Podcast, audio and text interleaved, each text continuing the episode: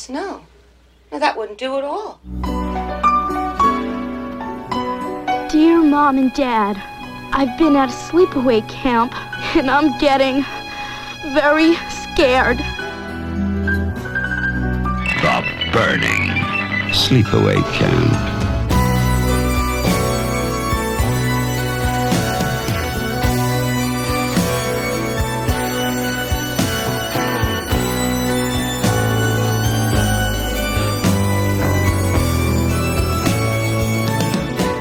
Hallo en welkom bij Julius versus Jasper, de Schokkend Nieuws podcast, waarbij we elke aflevering twee genrefilms bespreken. En aan het einde van de rit bepalen ja, welke van de twee moet weg. En we nemen het elk voor een andere film op. En dat doe ik, Jasper, en dat doe jij, Julius. Hallo. En Julius, we zijn nog steeds, kan ik zeggen, in deze reeks in een, in een, in een zomerse bui. We zijn ontzettend zomerse bui. Ja, dus we gaan weer naar het zomerkamp. Lekker. Na een volledige rangschik van de Friday the 13th films, eh, nu twee andere zomerkampen. eh, die, eh, nou ja, na Friday the 13th kwamen. Ja. En dat is ook wel te zien. Ja, dat, is goed te zien inderdaad, aan allebei. Ja, we hebben het nu over The Burning uit 81 en Sleepaway Camp uit 83. Ja. En in ons concept ja, kunnen we eigenlijk wel stellen van wel- bij welk, in welk kamp zit jij. En jij gaat nu The Burning verdedigen, om maar zo te zeggen. En ik doe Sleepaway Camp. Hè? Dat is even... Dat is, ja, dat is wat we afgesproken hadden. Ja, Ehm, en dat kan ook wel gebeuren. het kan Dat, gaan dat, dat gebeuren. gaat gebeuren. Ja, ik moet wel zeggen, ik had, ik, ik, ik, in eerste instantie dacht ik... eh, Mijn herinnering aan The Burning was iets positiever. En mijn herinnering aan Sleepaway Camp was iets minder positief dan eh, beide films nu gebleken zijn voor mij. Ja, maar goed, het, het, het, het kan. Het kan. Ik kan het natuurlijk. Ik kan het. Hij kan het. Heel goed. Ja, nee, dat is, altijd, dat is altijd lastig als je vooraf al afspreekt wie welke film gaat verdedigen. En dan blijkt ze toch anders te zitten dan je, dan je dacht, hè? Ja. Maar ja, dat is zoiets. eh, Dat is als je een film een paar keer gezien hebt, dan is eigenlijk elke keer is hij eh, minder leuk dan de vorige keer. En dan is hij weer leuker. Weet je wel? Want omdat het telkens zijn, zijn je verwachtingen hoog. En dan blijkt hij toch tegen te vallen. En dan ga je de volgende keer kijken met lagere verwachtingen. En dan is hij toch wel weer leuk. In principe kunnen we de hele rits Julius versus Jasper afleveringen nog een keer doen, maar dan al met andere, alle, bij een andere mening. Dat zullen we eens moeten proberen. Eh, ik weet niet of het voor Halloween 2 tegen Halloween 2 gaat lukken. Hmm. Maar misschien Nee. zelfs die. ik denk dat, dat, dat dat inderdaad een van de weinigen is waar we echt, echt niet zouden kunnen ruilen. Nee. En we zijn natuurlijk op zoek naar hè, waar het meeste strijd zit, waar we het meest oneens zijn. Maar dat blijkt nu dus ook wel mee te vallen, ga ik even vanuit. Ja, Ehm, we zijn het. Ja, nee, tuurlijk. Maar het zijn ook allebei, om voorop te stellen, wel, eh, nou ja, geen onaardige zomerse slashers. Hey, het zijn allebei gewoon leuke films die als je ze een keer op een zomer slasher programma in de, in de cultbioscoop eh, tegen zou komen, dan moet je er zeker naartoe gaan. Het is een heel mooie double bill, denk ik. Dan gaan we eerst beginnen met The Burning. Ja, 1981, Jasper. En, met, en, en volgens mij met een beetje het geluid dat ze, ze- dat ze zeggen... Ja, maar we waren al bezig met deze film voor de eerste Friday the 13th. Oh ja. Want deze werd echt gezien als... Nou, dit is gewoon een copy-paste verhaal. Ja. En het kwam in hetzelfde jaar als eh, Friday the 13th deel 2. Dezelfde maand zelfs. Nou, moet je nagaan. En we hebben volgens mij in de Friday the 13th aflevering ook al besproken dat er ook twee nou, identieke eh, eh, scènes in zitten. Hè? Of identiek, gewoon dezelfde, dezelfde conventie van het, het enge verhaal dat aan het kampvuur eh, verteld wordt, waarna er een, een, een practical joke volgt. Ja. En, en, het, en het meisje dat s'nachts nachts in een blootje gaat zwemmen in het meer zitten in, eh, in, in beide films. Dus zo zie je maar hoe vast die conventies toen al eh, stonden. Ja, wat dat betreft is het geen goede double bill met Friday the 13th deel 2. Dat is, dat is wel echt dat je dan ga je echt bijna twee dezelfde films kijken. ja. Zal ik even trouwens, ik heb een, eh, een, een, plot op de videoband, heb ik de vorige keer ook gedaan. Ik heb een Oh ja, plot op de videoband. leuk. Zal ik die eerst doen? Ja. Dan kunnen we er zo in rollen. Mhm. Even kijken, de, de, de omschrijving op de videoband van The Burning zegt... Op een door de maan verlichte avond lang geleden probeerde een groep jonge kampeerders, Cropsy, de kampbeheerder, een poets te bakken. Ja. De poets liep echter uit de hand en Cropsy werd een afgrijselijk misvormde maniak. Een verminkte moordenaar met een dorst naar wraak.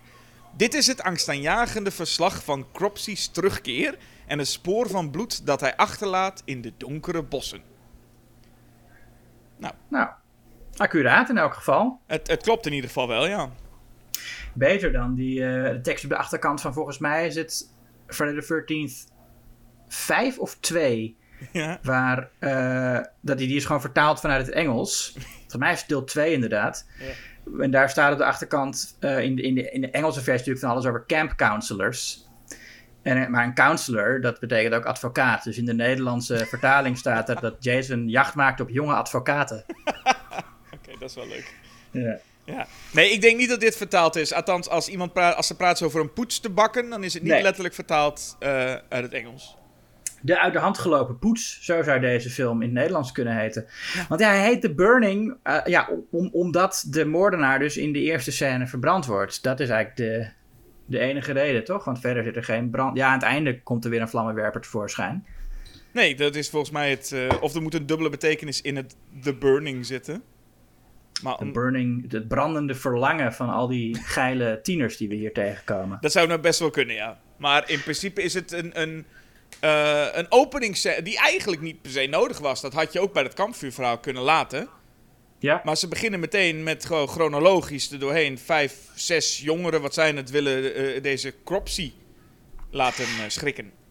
Ja nou ja, het is, wel, het is wel goed dat de film daarmee begint. Want anders begin je met gewoon he- heel, heel lang eh, gedoe op een kamp. Het moet wel even aan het begin al duidelijk worden dat, er, dat het een horrorfilm is, toch? Dat er ook wat gaat gebeuren. Ja, ja deze Ehm. film heeft meerdere beginscènes, heb Ja. ik het gevoel.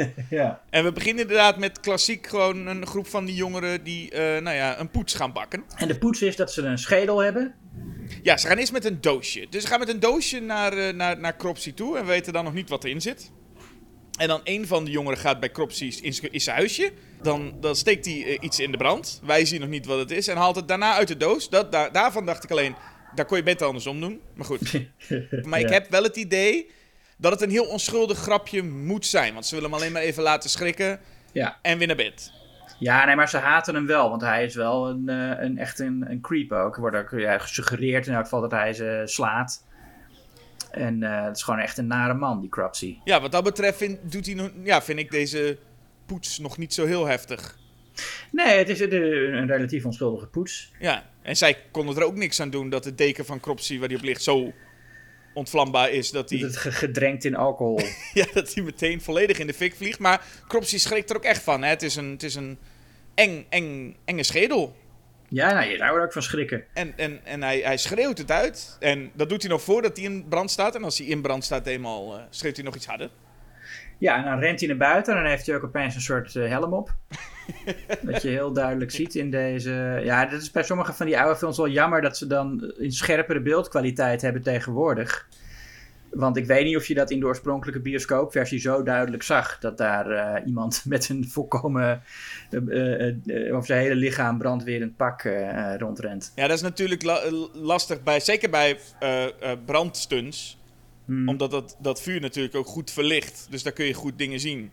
Ja, Dat was in Nightmare on Elm Street ook zo. Als Freddy in de kelder neerge, neerge, of in, de, in de fik gezet wordt...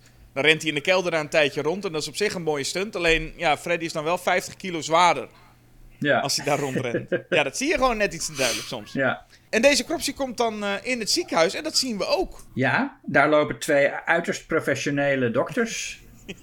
Ja. Lopen daar naar, naar hem toe. Ja. Eh, eentje is net nieuw. En dan zegt die man, nou, wil je, wil je nou eens iemand zien? Dit is, deze gast is echt een freak. Dit is echt com- compleet, eh, complete gekte wat je nou gaat zien. Oh, hij is echt... Hij is zo ernstig verbrand. Nou, hij is echt een freak. Maar hij praat er ook echt over alsof het die man zijn eigen schuld is. Ja, ja, hij gaat maar door, hè, die, die, die, die dokter. En dan, je, je wilt toch een dokter zijn? Nou, dan moet je dit zien. Kom op. Ja. Hij, hij is blijkbaar echt dokter geworden om, om, om van een soort freakshow te kunnen genieten. En ze praten ook, die twee, praten ook een klein beetje alsof het een soort van hele jonge dokters zijn. Alsof het een soort van tienerdokters zijn. Maar het zijn volgens mij gewoon twee mannen in hun veertig. Vooral die nieuwe, dat is... Ja, die nieuwe, die nieuwe die ziet er ook. Dat is, die ziet er nog ouder uit dan, de, dan die, die man die hem gaat rondleiden. Dat is zo apart. Maar vooral dat die andere man, die nieuwe man, ook wegvlucht. Als hij hem gezien heeft. Weet je? Want ze gaan dan naar, dat, naar die man kijken, naar Cropsy, die daar. Nou ja, Cropsy heeft, is, dan wel, heeft, is dan wel verbrand, Ja. maar eh, hij kan volgens mij nog wel horen. Ja. Dus het is ook raar hoe, dat ze dat ook gewoon zeggen als ze in zijn kamer zijn, bij zijn bed. Zeggen, hey, kijk deze, gek. En dan grijpt de hand van Cropsy die, die ene dokter en dan vlucht die andere weg. ja. De een moet daar heel erg van, schri- schrikt daarvan en schreeuwt er ook van. Ja. Alsof die, want hij heeft de hele tijd naar zijn gezicht gekeken. En alsof hij nu zijn hand ziet. En ik dacht, oh, die hand is nog veel enger. Wat een enge hand. We Ja. zijn dan aan de credits toe. En dan denk je, ah, oké. Met een, een, een, een fantastische themesong, moet ik al zeggen. Ja, Een mooi, herkenbaar eh, eh, pingeltje. ja de muziek van, eh, van de leden van Yes, hè? Zijn het van de leden van Yes, ja? Ja. Dat wist ik niet. Nou, dat is een leuk feitje.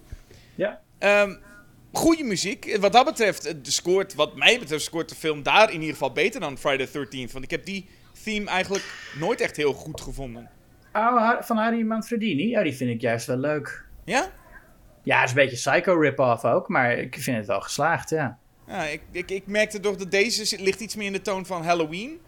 Een herkenbaar riedeltje. Ik had hier heel graag een, een disco variant van gewild of zo bij, bij deel 3. maar, Ja. ehm, en, maar dan kom je dus terug. En dit was ik echt helemaal vergeten toen ik de film nog een keer zag. Dat hij niet dan begint met zijn hier is en nu het zomerkamp. Maar dan op, alsnog een soort giallo is. Ja, nou, ik deed een beetje aan Maniac denken. Hoe die daar door dat, dat gore New York loopt. Of ik weet niet welke stad het eh, is. Ja. Maar het lijkt een beetje op het New York van Maniac. En dan gaat hij, dan gaat hij met een sekswerker mee naar huis. En als zij zijn gezicht ziet. Want hij heeft dan zo een hoed over ze en, en een dikke regenjas. En dan heeft hij helemaal zo geprobeerd, verbergt hij zijn gezicht. Maar dan komt hij daar bij haar thuis. En als zij zijn gezicht ziet, dan zegt ze ook... No, who are you? Go away. Het is ook een heel rare manier dus om te reageren op iemand die gewoon een verbrand gezicht heeft. Iemand met brandwonden, ja. Ja. Who, who are you? ja. En dan wordt zij dus eh, ook omgebracht. En dan Ja. denk je bij jezelf, wat is, wat, wat, wat, wat- dit is de, de derde switch die de film maakt. Eerste, Ja. hoe Cropsy is ontstaan. Toen een week later in het ziekenhuis. En nu vijf jaar later, hoe die eigenlijk het ziekenhuis, uit het ziekenhuis ontslagen wordt. ja, vijf jaar heeft hij daar gezeten. Dat is ook wat. Dat is een behoorlijke tijd, ja. Hebben ze al die tijd gedaan dan? Eh, hem belachelijk gemaakt, denk ik. En steeds nieuwe mensen, nieuwe medewerkers laten zien. Maar kijk eens, deze gast, echt, echt verschrikkelijk. Maar goed, eh, de- hij, ik weet niet. eh, hij is in elk geval. ehm, we zien in die scène meteen de, de grootste troef van deze film, namelijk Tom Savini.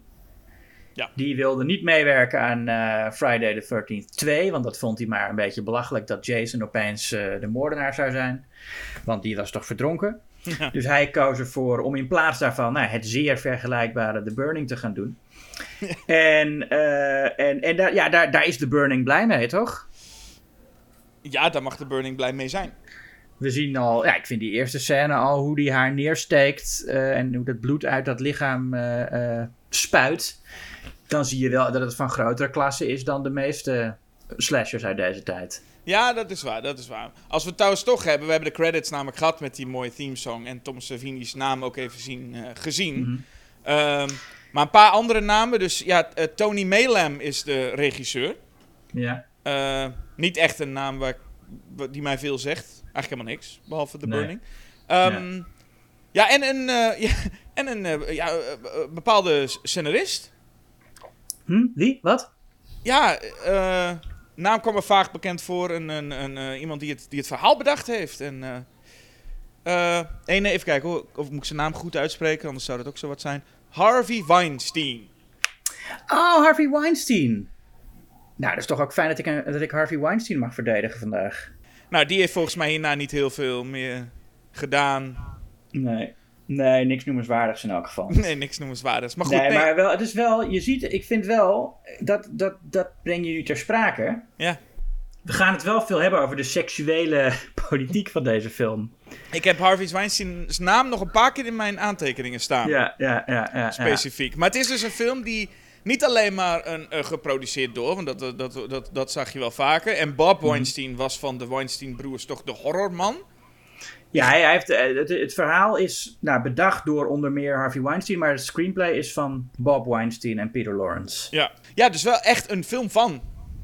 Ja, En dat gaan we af en toe nog ook wel zien, trouwens. Dus het is, eh, het is Tom Savini. Het is, eh, het is Tony Melam en het is ook Harvey Weinstein.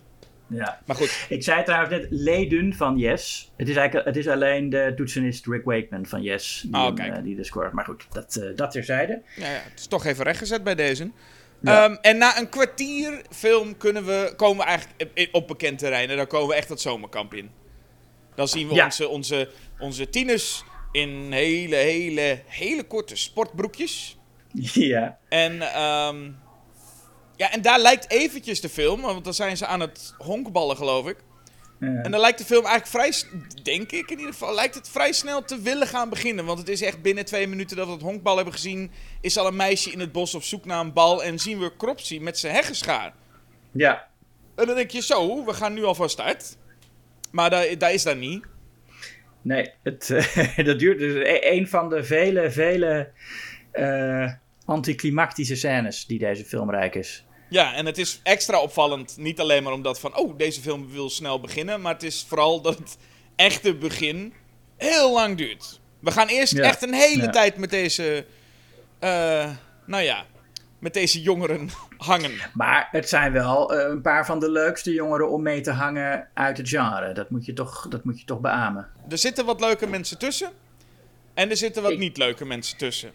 Ik vind ze een, over het algemeen een stuk gezelliger dan.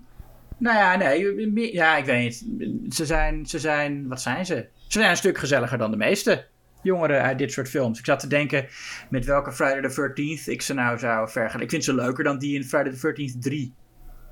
Ja, oké, maar dat, dat is de, de, de, de, de lat niet heel Ja, hoog nee, oké, oké, oké, Maar als ik naar, aan Friday the 13th 2 dus denk, aan hetzelfde jaar, dan weet Ja. ik het nog zo net niet hoor. Ik zou, ik zou best Ja, wat, dat- wat heen en weer kunnen wisselen. En dan zou ik een paar van Burning en een paar van de Friday 2 eh, door elkaar gooien. Ja, maar het is, het is toch anders. Want Friday the 13th 1 en 2 hebben allebei een beetje die charme van het... Dat het gewoon een beetje normale jongens zijn. En dat het ook een beetje amateuristisch is. En dat, dat, het, dat het niet maar op een soort Italiaans neorealistische manier, weet je wel. Het is van, eh, ja, we gebruiken geen professionele acteurs omdat het authentieker is. Zo voelt Friday the 13th 1 en 2 soms voor mij. Ja. Terwijl The Burning heeft juist heel leuke, vlot geschreven dialoogjes. En nou ja, Jason Alexander zit er natuurlijk in. eh, George van Seinfeld. Ja. In, eh, in, in een, heel, een, heel, een heel jonge, vroege rol. Ehm, die, die ook al, die echt heel professioneel, heel duidelijk, heel professioneel speelt. En, en theaterervaring heeft. En weet je wel. ja, want ik merk dat er zijn een paar grote namen. Dus je hebt, je hebt Fisher Stevens, Jason Alexander en Holly Hunter. Die er volgens mij echt Mhm. uitspringen als... hey, dit zijn vrij grote namen eh, Ja.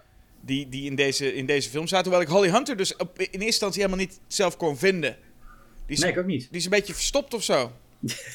Ehm, maar en, en van Jason Alexander kun je wel echt zien dat hij heel anders speelt dan de rest. Ik, op een of andere manier merk je bij hem echt. Misschien dat ik ook iets meer op hem let, omdat hij de Mhm. bekendste persoon is. Maar ja, alsof je ergens denkt van... Oh, deze persoon speelt best leuk, goed en natuurlijk. Daar kan nog wel eens wat worden met, de- met deze man. Ja, nee, het gaat, het gaat ook meer opvallen hoe slecht die andere acteurs eigenlijk zijn als, als ze naast hem staan. Ja. Eh, en ik, ik, ik denk ook dat hij best wel wat improviseert. En ik denk ook dat hij een beetje zelf ook voelt dat hij die andere mensen op sleeptouw moet nemen of zo. Dat hij, dat hij wel echt het idee van, ja, ik, ik ben wel echt de beste acteur van dit stel. Ja, en, en de En, film, ja. ik, ga, ik, ik spring even heel kort naar, naar voor, maar de film, de, de makers hadden dat niet 100% door, want anders hadden ze hem wel meer naar voren getrokken, want de film is hem op een gegeven moment kwijt. En dat. Ja. daar gaat de film echt de mist in, als eh, we Jason Alexander eigenlijk kwijt zijn. Dat had de film nooit Ja, moeten ja, doen. ja. nee, nooit je, als je Jason Alexander hebt, raak hem niet kwijt. Nee, ik nou blijf het zeggen. Dat vind ik een, een goed moraal van deze hele podcast. Ja. Ehm, maar hij is wel, hij is wel een van, hij is wel echt de, de meest, ehm, de, een van de leukste clowns uit het slasher genre is hij hier. Ja, want wat, wat grappig is, is we hebben dan wel... Er is een, een soort nerd, een buitenbeentje. Dat is Alfred. Mhm. En dan denk je, oké, hij... En hij geeft volgens mij ook aan, ik word gepest. En dan denk je, hij is het buitenbeentje... ehm, die door iedereen gepest wordt. Maar dan blijkt hij eigenlijk een soort vriendenclubje te hebben. Met waaronder Fisher Stevens en Jason Alexander ook. Die, die, die vinden hem best wel oké. hangen graag met hem. Ja, Nou, het is, dat is een beetje. Zij zijn een beetje het clowns team of zo van de, van deze van de film. En zij nemen het voor hem op. Ik weet niet of het nou echt goede vrienden zijn, maar als hij gepest wordt, nemen zij het wel voor over het op. Ja, en, ze, en er is één leuk moment. Dat er is namelijk ook een, eh, een bullebak. En Ja. eh, Glazer. Ja. En die, die, die eh, is een overduidelijke bullebak die echt een enorme hekel heeft aan die Alfred. En die, zit, die Mhm. liggen dus vooral met elkaar in de clinch. En er is een leuk stukje dat ze eh Glazer even gaan pesten. Terwijl hij een beetje zich zo loopt eh, te macho bij dames. En dat zij hem dan in zijn kont gaan schieten. Ja. Ehm, en, en dat is een, op, oprecht vind ik dat inderdaad echt een leuk, eh, een leuk moment. Gewoon hangen. Dan, nu, daar snap ik vooral jouw punt van, oh, het is wel leuk om met deze jongeren te hangen. Ehm, Mhm. En een beetje te geinen. Ja, ik vind het ook wel leuk dat ze dan. Het is- ze hebben het natuurlijk heel veel over seks. Hè? Die, de, de, de, Jason Alexander en zijn vrienden worden geïntroduceerd in een scène waarin ze over de kont van een, van een meisje praten. Dat daar staat te honkballen. En dan is het ook weer allemaal met van die dingen van. eh, oh, nou ja, dat die ene gast zegt van. Oh, ik, ik wil haar zo graag. En dan zegt Jason Alexander. Ja, maar dat, dat gaat niet gebeuren. Op echt zo'n sitcom manier, weet je wel. Ja. Eh, en later heeft Jason Alexander allemaal blaadjes voor iedereen gekocht. Seksblaadjes Mhm. pornoblaadjes. En dan, en dan zegt Glazer ook, you make me sick. Omdat ze naar, eh, naar, naar, naar porno kijken in plaats van het met echte vrouwen te doen. Ja. ja. Ehm, ja, en ja, ja, goed. En wat, wat, wat er nog eh, eh, om, om de seksuele the- thematiek in deze film... ja, om toch maar te beginnen. Iemand gaat douchen. Ja. En dat, dit is de, hoe we Alfred leren kennen. Hè? Een meisje gaat douchen en wordt begluurd of in, wordt beslopen in de douche. En dat is dan ook een van de momenten dat we moeten denken dat er een moordenaar komt. Maar dat is dan niet, want het is Alfred Ja. die haar heeft bespioneerd. Ja. En, en zij zegt ook dat hij, daar, dat hij daar gewoon stond en haar maar aan bleef staren. Dus het is echt een creep. Mhm. En dat is ook, in eerste instantie lijkt Glazer dan best wel sympathiek, want hij is boos op Alfred omdat hij dat gedaan heeft. En wat dan interessant is, is dat eh, je hebt, je hebt twee kampleiders hier eigenlijk. Ja, ja. Want dit, dit is ook een van de kamp. Het zijn eh, alle, allebei de films die we vandaag bespreken. zijn zomerkampfilms waarin het kamp daadwerkelijk aan de gang is. Hè? Dit, bij de Friday the 13th is het meestal dat ze het kamp aan het voorbereiden zijn. Mhm. Hier is het al aan de gang. Ik moet ook zeggen, als je toch de vergelijking zet, dit zijn ook twee films waarbij ik echt steeds heel veel moeite had om te zien wie er nou de kampleiders waren. En, ja, ook dat. en wie de kampeerders. Ik weet het van sommigen echt nog steeds niet ook. Nee, dat is bij beide films is het zo dat de leeftijden van de, de acteurs die Ja. gecast zijn heel dicht bij elkaar liggen. Dat ik geen idee Ja. heb. Die Glazer en eh, Todd, is het, Brian Matthews, Hm. ja, die praten dan met elkaar. En ik, dit, dit had ook gewoon vrienden kunnen zijn. Maar de ene is dus echt de kampleider en de andere is gewoon een... Ja, volgens mij is Glazer inderdaad niet een leider, maar iemand die daar ook gewoon op dat kamp zit. Ja, dat, dat, dat, dat gevoel kreeg ik wel heel sterk, ja. Ja. En volgens mij zijn Todd en Michelle de, de, eh, de- het, kamp, de Ja, dat, die, dat zijn sowieso de leiders. En het mooie is dat Todd en Michelle... Nou ja, je ziet aan die dynamiek tussen hun... En je, je hebt zeg maar... Alfred is dan is, is, is de, de incel creep die meisjes bespioneert in de jungle. Of in de jungle. In de douche. Kom je nou bij jungle? Meisjes in de jungle, ja. ja. Oh, echte meisjes in de jungle. Daarom dacht ik... ja, Echte meisjes onder de douche. Ja.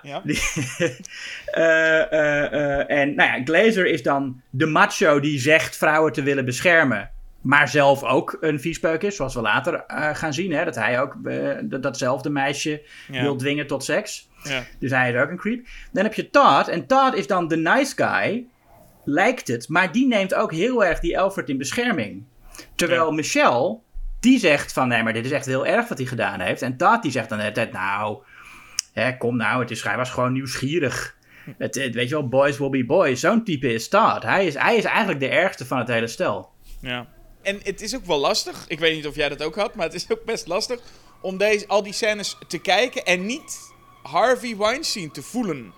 Nou ja, dat is inderdaad het, het, het interessante eraan. Dat die laag er ook nog in zit. Want het zit natuurlijk, natuurlijk, er Ja. zijn een paar scènes waar het echt in eh, voorkomt. Zeg maar, er zullen wat scènes komen waarbij eh, vrouwen nee zeggen en de man dan, eh, nou ja, geen nee als antwoord neemt. Dat is, dat is Mhm. echt, echt overduidelijk, maar hier ook. De film opent en er komt een hele lange scène waarbij een meisje inderdaad wakker wordt en dan heel lang gaat douchen. En we echt overduidelijk lang naar een, eh, een borstenshot zitten te kijken. Ja. En toch, mijn gevoel ergens voelt gewoon dat zo'n, dat zo'n Weinstein dat heeft zitten typen onder het mom van... Dit gaan we lekker straks filmen. Zin in. Ja, ja, nee, ja, dat is ja, maar goed, en dat is, dat is trouwens bij, bij heel veel films waarin een douchescène zit natuurlijk het geval. Ja, maar dat, Dat is het stom dat je dat nu maar voelt. En dat, dat voel ik niet bij, weet ik veel. Ik heb, ik heb nooit het gevoel dat bij een Brian De Palma, dat ik dan Brian De Palma met, een, met al een erectie dat zie typen. Zo van, oh, daar heb ik zin in om dat straks te gaan doen. Maar bij, nu heb ik dat beeld Mhm. de hele tijd erbij van, oh, dit zit er vast in. Ja, Voor die viespeuk die dan, eh, nou ja, ongetwijfeld daar vooraan op de set staat, stond. Ja, maar daarom is het ook wel een interessante film, om, want aan de ene kant lijkt hij dus, heeft hij echt wel een soort begrip van die machtsdynamiek tussen mannen en hoe mannen elkaar in bescherming nemen. Dat, dat begrijpt deze film volgens mij beter dan heel veel eh, andere seksueel exploitatieve slashers. Ja. Maar aan de andere kant is het ook een film die uit, waar uiteindelijk zijn Alfred en Todd de helden. Uiteindelijk weten zij eh Cropsy te verslaan. Ja. En dan- ja, dan denk je toch, ja, Weinsteintje, Weinsteintje, Weinsteintje toch. Eh, waar de film niet zo heel goed in is, wat mij betreft, is... eh, je denkt dus de hele tijd dat hij lekker van start gaat. En dan gaat het niet. Dus inderdaad, Ja. we hadden al een meisje dat op zoek gaat naar een bal. Nee, is het niet. In de douche. Oh nee, het is Alfred. Ehm, en dan Ja, het gebeurt... stikt van de fake-outs, ja. Ja, het zijn die best wel lange, net niet suspense. Dus bijvoorbeeld Fisher Stevens gaat zijn vitamine E-pillen halen. Hmm. En dan best wel lang. En dan komt er daarna ook dat, dat uiteindelijk blijkt het maar Todd te zijn die binnenkomt. En dan zegt hij, hey, joh, we gaan eten. En dan gaan ze eten. Ja, ik, ja. nou, dit is, dit is een, een... Dit zijn lange, lange scènes. Die, die, ja, die doen het hem niet, hoor. Nee, nee, maar goed, in die, tijd, in die tijd moet je het hebben van de tieners en met ze te hangen. Wat ik ook wel lekker vind in, in de zomerse sfeer van een zomerkamp slasher, moeten er ook gewoon scènes zijn die eigenlijk best saai zijn. Dat, dat, dat hoort toch ook een beetje bij het ritueel van, eh, van, van de slasher kijken. Zeker, maar ik heb Dat wel is- het gevoel dat ze de, de nep-spanning erin zetten. Zo van, oh, Mhm. dan verveelt het publiek zich niet. Niet wetende, althans is voor mij nu zo. Dat ik me juist meer verveel met die scènes. Ik had liever nog een paar gewoon hangscènes gezien. Gewoon ze, ja, ja, ja. Toen ze ja, lekker aan het eten ja. waren, vond ik het wel leuk. Maar niet dat, er dan, dat Fisher Stevens dan zich moet zitten verschuilen in de schaduw. Want oeh, er komt iemand binnen. Wat ik een eh, leuk detail vind in de, in de eetzaal. Is dan zit Glazer daar te eten en dan is hij weer eens boos op Alfred, want die staat naar hem te kijken. Ja. En dan zegt hij, what are you staring at, you little creep? En dan gooit hij, pakt hij zo'n pot zout en dan gooit hij zout naar, naar Alfred. zo'n mooie agressieve daad. Ja. Zout naar iemand gooien. Het is wel leuk dat die typetjes, wat het in, in zekere zin zijn, wel vrij snel duidelijk zijn. Want dat heb ik bij heel veel Ja, Fridays en, en Halloween soms ook wel. Dat er een groep tieners is waarvan je denkt, ik weet even niet wie dit allemaal nou precies zijn. Je hebt het hier wel vrij duidelijk door wie wie is. ja. Althans, Ja, van, de, ja, van de heren heb ik dat. De dames komen er iets minder goed eh, af. Daar heb ik toch altijd wel een gevoel dat er een hele groep giechelende dames zit. ja die zijn, er zijn eigenlijk geen van hen zijn, zijn echt eh, goed geschreven. Nee, nee, dat Nou, is, sorry, goed geschreven is sowieso een groot woord voor, voor dit soort. Maar geen van hen is echt sterk getypeerd. nee, precies. En dan heb ik dat gevoel dat dat bij ehm, ja, Fisher Stevens en, en, en ik noem ze dan ook gewoon ook bij de naam van de acteur, dat zegt ook wel iets. Mhm. Eh, Dave en Woodstock bijvoorbeeld. En Eddie, dat, die hebben iets meer. Ehm, Ja. al- die hebben gewoon één ding. Dat is, al, dat is al best wat. Dat je gewoon één ding krijgt. Van jij bent dit. Jij bent de spierbundel. Of jij bent de grapmaker. Dat, dat krijgen de dames dan vaak niet eens. Ja, ja, ja. Ehm, wat ze wel krijgen is een, een kano-scène met echt hele heftige banjo-muziek. Echt niet normaal. er Ja. is iemand losgegaan op die banjo en dan zijn ze aan het, eh, aan het kano met z'n allen. En wat mij überhaupt opvalt van de, de stijl, dat is een stijl die je vaker ziet, is dat ze steeds door elkaar praten. Hm. Dus je hebt daarin ook wat jij net zei over Jason Alexander die mogelijk aan het improviseren is. Je hebt het gevoel dat er ook heel veel dingen gewoon praat maar. En iedereen praat dus ook door elkaar. Waardoor ik heel veel dialoog ook niet heel goed kon verstaan. Nee, dat klopt. En maar soms zeggen ze ook allemaal hetzelfde. Of, weet je, en de- op een gegeven moment spring ik even vooruit. Maar er is een scène, dan zitten ze... eh, eh, dan zijn ze op, op dat vlot dat ze gebouwd hebben. Ja? en dan gaan ze naar die, eh, naar die andere kano. En dan en roepen ze allemaal... "L- Let's go! Let's go! We have to go! We have to go there! Ja, Weet je, weet je wat ik bedoel? Dan zitten ze allemaal tegelijk allemaal hetzelfde te zeggen. Omdat ze allemaal... Die regisseur heeft gewoon tegen ze gezegd... Nou, acteren. Ja, En dan, als je dan zes acteurs op één vlot hebt, dan gaan die allemaal hetzelfde roepen. die denken allemaal... Ja, precies. En dat hebben we bij The Goonies ook heel erg gezien. Ja, Dat ja. waarschijnlijk het, de regieaanwijzing was... Nou, zeg af en toe maar een beetje iets van... Oh, kijk daar eens. En vervolgens heb je zes acteurs die allemaal non-stop zeggen... Kijk daar, kijk daar, kijk daar. Ja, ja, Dus, precies. ehm, maar dat merk je hierin wel. Dat, het, dat, dat al die dialogen echt door elkaar geschreeuwd worden. En vaak wordt dat dan ook een beetje gedaan als... Oh, dan komt het net lekker natuurlijk over. Maar het komt er juist niet natuurlijk over. Nee, omdat, het, ja, omdat ervaren acteurs die weten dan wel dat ze dan ook af en toe stil moeten zijn. Maar mensen die dan net, weet je wel, die, die net beginnen, die denken van, oh, ik, ik wil dat mensen mij gaan zien in die film. En ik wil dat mensen zien dat ik ook acteer. Ja. Dus die gaan dan inderdaad alleen, ja. Ja, die... Net zoals de, dat zie je heel vaak bij figuranten in musicals. Oh Die ja. staan dan in, in de achtergrondkoor. Die staan ook heel erg te acteren en naar elkaar te kijken en knikken. ja. Ja. Nou, het, is soms echt, het is soms echt een aanrader om bepaalde films of series gewoon puur te kijken. En naar de, a- eh, de figuranten te kijken. Oh ja. In sitcoms vooral. Als je in sitcoms eens goed op de figuranten let. Ja. Je hebt in sitcoms heel veel scènes namelijk. Als, als, als er een scène in een restaurant is of in een vliegtuig of zo. Mhm. Waar dan de hoofdpersonen iets raars doen. Ja. En dan gaan mensen die kijken ernaar en die schudden dan hun hoofd. Ja. Van ach, nee, nee, nee. Ach, ach wat gek. En dan, vaak, en dan vaak twee keer achter elkaar ook, hè? Dat er dan iets moet... Ja, precies. Dan moet er iets gebeuren. En dan schrikken ze daarvan. Dus dan zie je een figurant echt schrikken. Maar op een gegeven moment is die figurant klaar met dat schrikken. Dus dan is het weer normaal. Maar dan denkt hij... Ja. Oh, de scène is hier voorbij. En dan schrikt zo iemand nog een keer. Ja. Zo van, ik was nog niet klaar. Ik moet blijven schrikken. We gaan nog door. Nou, het is heel leuk om te zien. Ehm, nou, eh, eh, eh, de film begint eigenlijk. De moorden beginnen pas, volgens mij, bij Eddie en Karen. Hè? Dat is de skinny dip scène. Dat, dat ze dus s s'avonds laat. eh, ze- vindt Eddie dat ze moeten gaan naaktzwemmen. Ja, want ze gaan eerst met z'n allen kano en dan komt inderdaad dat hele kampvuurverhaal. Waarbij Mhm. wel de, het verhaal van Cropsy al eh, wordt besproken. Ja. Waarbij ik me even afvroeg, hoe lang is, hoe, hoe staat deze scène in verhouding met die scène met die prostituee? Die Giallo-scène. Want i- was, heeft Cropsy na dat gedoe met die prostituee toen, is die toen een tijdje in eh, die zomerkampbossen met een heggenschaar rondgelopen dat dit verhaal ontstaan is? Of is het heel toevallig dat er gewoon een legende over hem ontstaan is en dat hij dat nu ook echt doet? Ik denk. ehm, nou, ze zeggen ook dat er nooit een lichaam gevonden is, hè? Of niet? Zeggen ze dat niet? Dat durf ik niet. Dat klinkt als een zin, zin die er sowieso Het klinkt in niet wat ze zeggen, maar ik zou, het zou heel raar zijn, want hij is gewoon naar het ziekenhuis. Dus dat zouden mensen dan wel weten dat, dat, hij op, dat er een ambulance kwam. Ja, Maar, nou, dat, dat weet, sorry luisteraar, dat zijn we dan even vergeten, eh, professioneel als we zijn. Maar ehm, we zien wel, eh, eh, nee, ik, ik, het lijkt alsof, wat volgens mij gesuggereerd wordt, is dat hij bij die sekswerker eh, knapt. Dat er, en dat hij daarom ook een moorden, omdat zij hem dan afwijst, denkt hij, nou, nu, nu is het genoeg. Nu ga ik eh, moordenaar worden. Dat, volgens, ik, dat, dat zou de suggestie kunnen zijn. En dat hij daarna inderdaad teruggaat naar dat, dat kamp. En, En trouwens, Ja, ik, dan- ik, heb nu, ik zit nu de dialoog even te lezen. Kijk, want ze hebben eigenlijk een heel groot deel. Die Todd vertelt dit verhaal van Cropsy. Heeft een heel deel goed, hè? Eh. Ja. Van dat het, dat, dat dat een grap was en dat hij verbrand is. Dat is allemaal eigenlijk gewoon precies zoals het gebeurd is. Zoals we het ook gezien hebben. ja, maar, dat, maar dat weet hij ook allemaal, want hij was erbij. Todd was erbij. Ja? Oh, echt? Kan je de twist niet herinneren? Oh, mind is blown. dat Nee. is helemaal aan, aan het einde komt die twist. Dan zie je, dan zie je nog een flashback. En dan zeggen ze, are you in? Ze, zo'n scène waar ze allemaal are you in zeggen, toch? Tegen al die jongens Ja? die daar zitten, van doe je mee? Ja? En, en dan hebben wij hebben dus in die openingsscène hebben we blijkbaar één van de deelnemers niet gezien. En dan zeggen ze, ah, en dan, ga je, dan krijg je nog een flashback en dan zeggen ze, are you in? Todd? Oh, En dan zie je, maar het is wel een andere acteur die hem speelt daar, want het was vijf jaar geleden. Ja.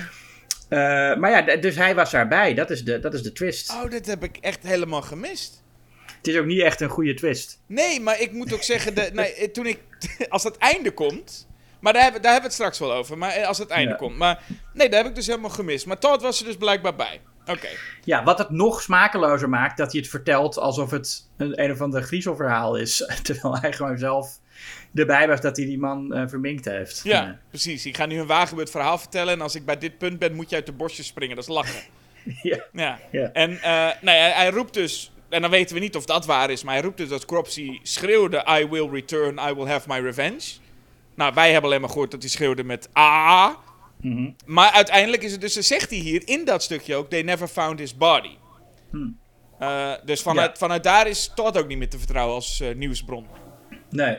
Ehm, Nee, maar goed, dat kan dat hij dat natuurlijk alleen maar zegt om het, om het spannender te maken. precies. Maar je hebt inderdaad wel een punt. Maar dan is het dus wel zo dat hij dus wel praat over... Nou ja, goed, er is dus iemand hier eh, in de bossen. En als het meer... Mhm. Dat is dus gewoon verzonnen, maar het is toevallig ook echt zo. Ja, nee, daar, daar had ik nooit zo over nagedacht. Maar dat, dat is inderdaad waar. Het is toevallig echt waar. Ja. Ja. Eh, en dan komt het stukje skinny dipping, waarbij een, ehm, een dude dus heel boos wordt omdat een dame geen seks wil. Ja. Daar had ik dus in mijn notities maar neerzetten van, nou, mooi geschreven, Harvey. Ja, Eh, ja, ja. En deze naakte dame, die moet dus door het bos lopen op zoek naar haar eh, kleren. ja. En dan, vindt, dan wordt zij dus gedood door Cropsy. Eh, ja, dat is eh, de eerste kampmoord ja, die we zien. en die is helemaal niet leuk. Nee, het, begin, het, is, ook al, het is ook al veel eh, eh, explicieter naakt dan je, en, en langer ook dan je gewend bent in een slasher. Ja, en op een of andere manier speelt zij het best goed. Maar ze speelt gewoon goed hoe ze het helemaal niet leuk vindt. Wa- wa- wa- Nee. in, de situatie. Dus wij, Ja. wij, wij vinden haar natuurlijk best zielig. Want hè, die, die, die gast waar ze mee in dat water was, dat was een lul. Mhm. En zij loopt daar dan naakt en kwetsbaar. En vervolgens wordt ze dan omgebracht. En dan is het is allemaal niet fun. Het is allemaal gewoon dat je denkt, Nee. oh, wat, wat, wat naar, wat vervelend dit. Nee, ja, het is op allerlei manieren vervelend. Ja. Ja. nee, het is echt naar om te kijken, ja. Ja. ja.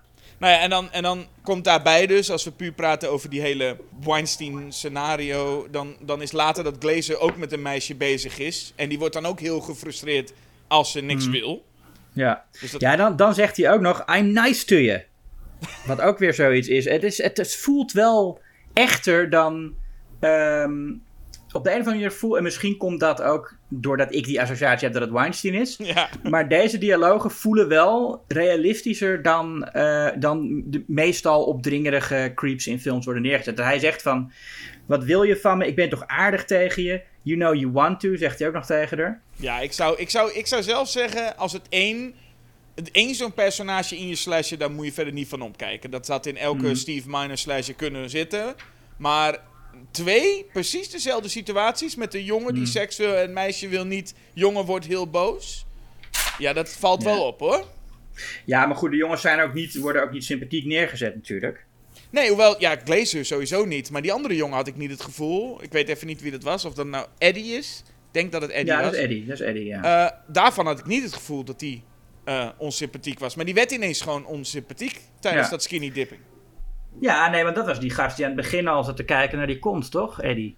Ja, maar goed, En dat waar, is eh, Jason Alexander ook. Maar ik heb het gevoel dat... Ja. Ik ben blij dat er geen scène is met Jason Alexander met een meisje. Want dan, dan gaat hij ook... eh, Nee, maar dat is, dat is dus wat ik zeg. Die film die hij. Ja, ook nice guys kunnen verkrachters zijn. En, en de film lijkt dat te begrijpen. En ook in de scène waarin Eddie dan geconfronteerd wordt. Want wat er dus gebeurt. eh, Karen is verdwenen. Die is vermoord. En- maar die is dus zoek.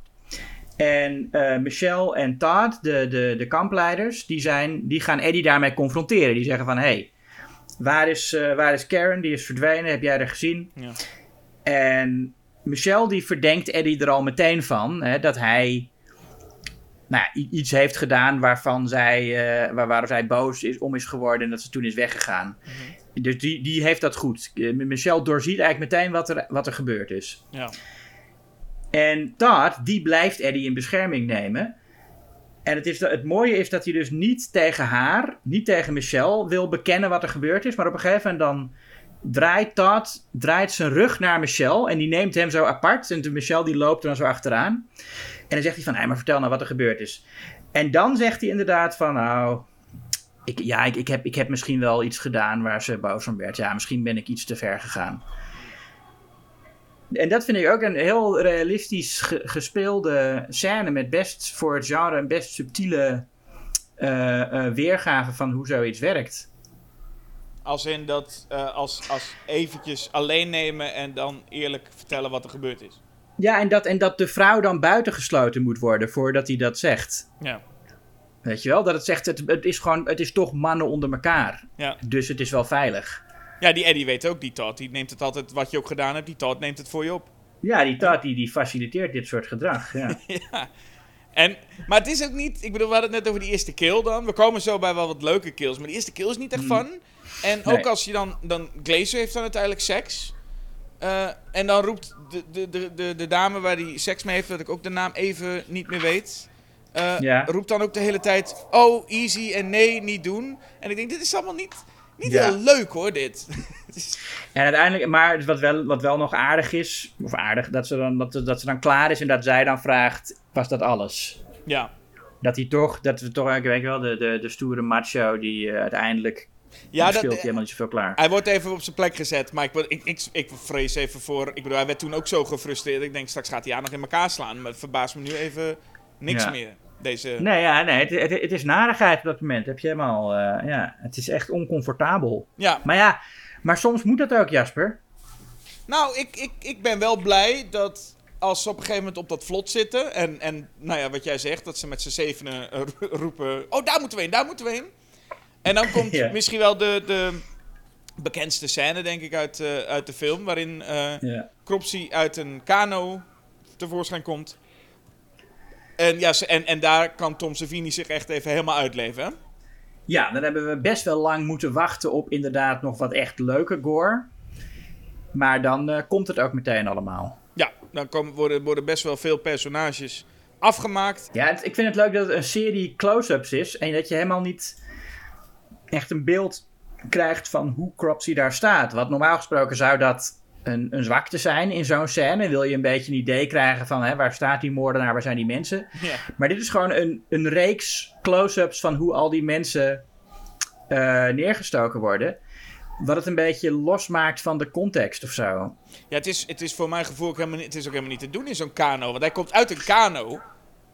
Ja, daar kun, je, Ja. daar kun je wel met je heggen staan gaan zwaaien. Maar volgens mij wiebelt die kano dan zo heen en weer. Dan kun je nooit stabiel Nee. blijven staan. Maar het lijkt in sommige van die close-ups ook alsof de persoon het maar net doorkrijgt wat er aan de hand is. Je Ja. ziet ze soms ook echt van, huh?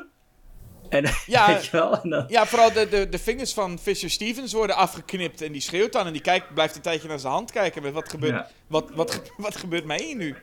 ja. Nou, het, ja, het, is, het, het wordt daardoor een beetje expressionistisch. Doordat het helemaal niet eh, echt logisch lijkt te kloppen.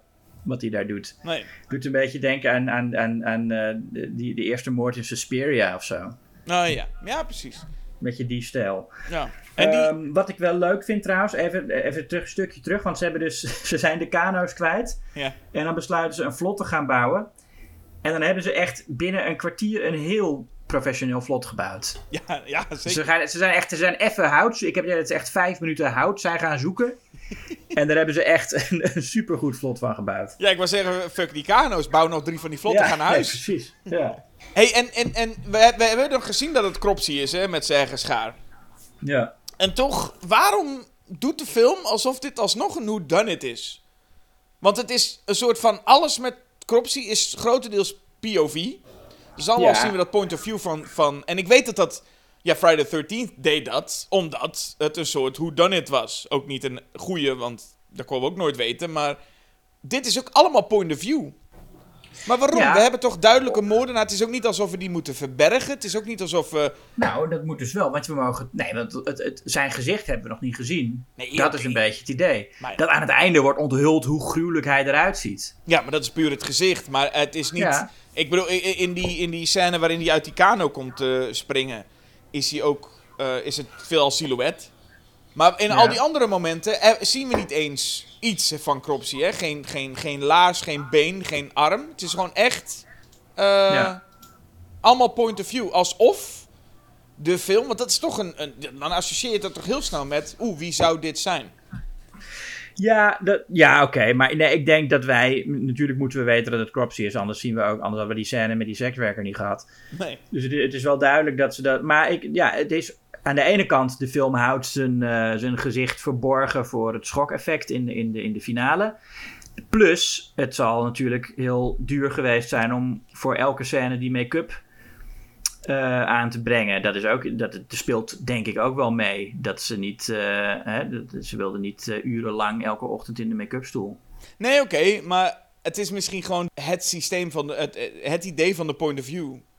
Dat ze daar heel duidelijk voor kiezen en niet armen, benen, of ik bedoel, hij had ook een masker kunnen dragen, ik noem maar wat. Maar Ja. Je, je, je hebt een enorm... nou ja, point, ja, er is veel over gezegd natuurlijk, de point of view in slashers en waarom dat nou zo'n populair middel is. Ga je je dan identificeren met de moordenaar? Dat was in die tijd, werd dat gezegd, hè? Dat, dat, dat het idee om, om, om de kijker uit te nodigen zich te identificeren met de moordenaar. Ja. Ik denk niet dat dat het geval is. Ik denk dat dat eigenlijk heel zelden zo is, dat je je echt identificeert met de killer in zo'n film. Nou ja, er is gewoon... Ehm. je hebt op een gegeven moment loopt een Alfred bijvoorbeeld, die loopt in het bos. En Mhm. er komt iets achter hem aan. Want dan komt er een point of view en dan denk je, oh, er komt iets achter mij aan. En wij, wij zijn dan de camera. Maar dan denk je, maar waarom doe je moeilijk met, er komt iets achteraan? We weten allemaal wie het is. En dat, Nou, het is, het- misschien is het ook daarom omdat, om die fake-outs wat geloofwaardiger te maken.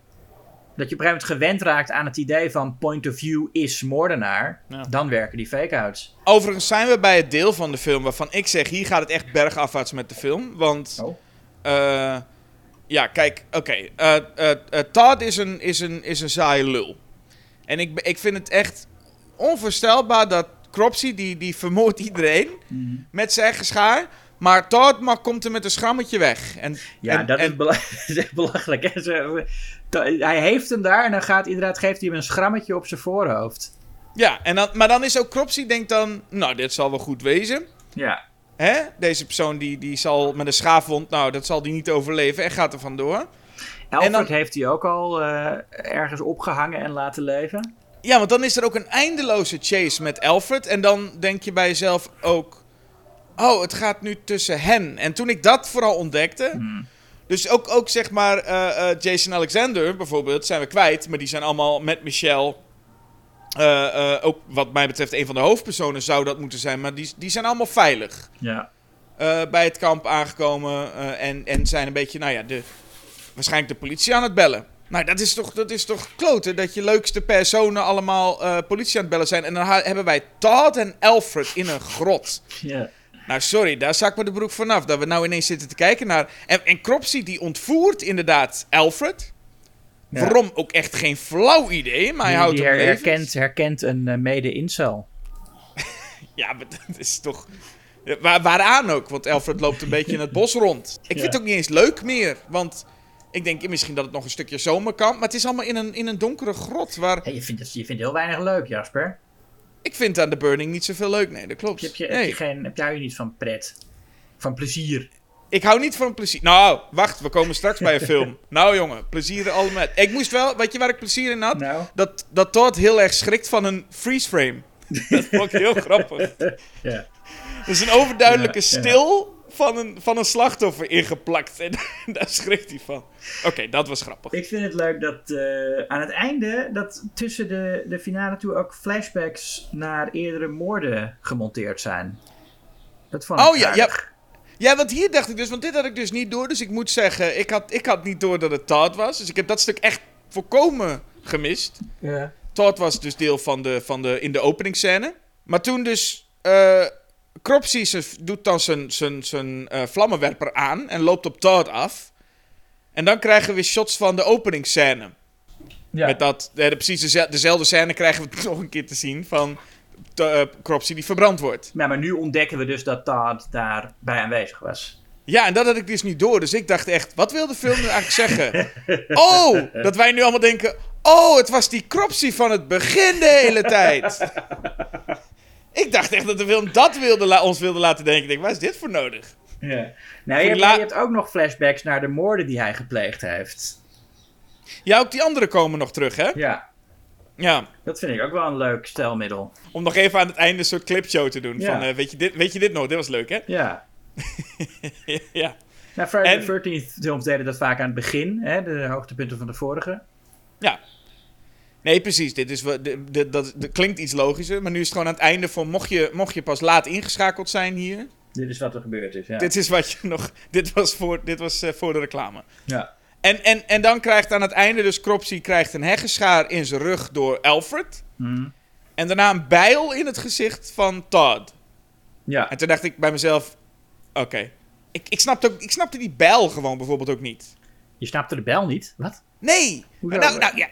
Kijk, hij wordt met zijn eigen heggenschaar neergestoken. Mhm. Oké, dat snap ik. En hij wordt weer in de fik gezet, zoals die ook in het begin Maar, en ineens gewoon een bijl. En daar krijgt hij in zijn hoofd. Ik denk, dat is toch ook...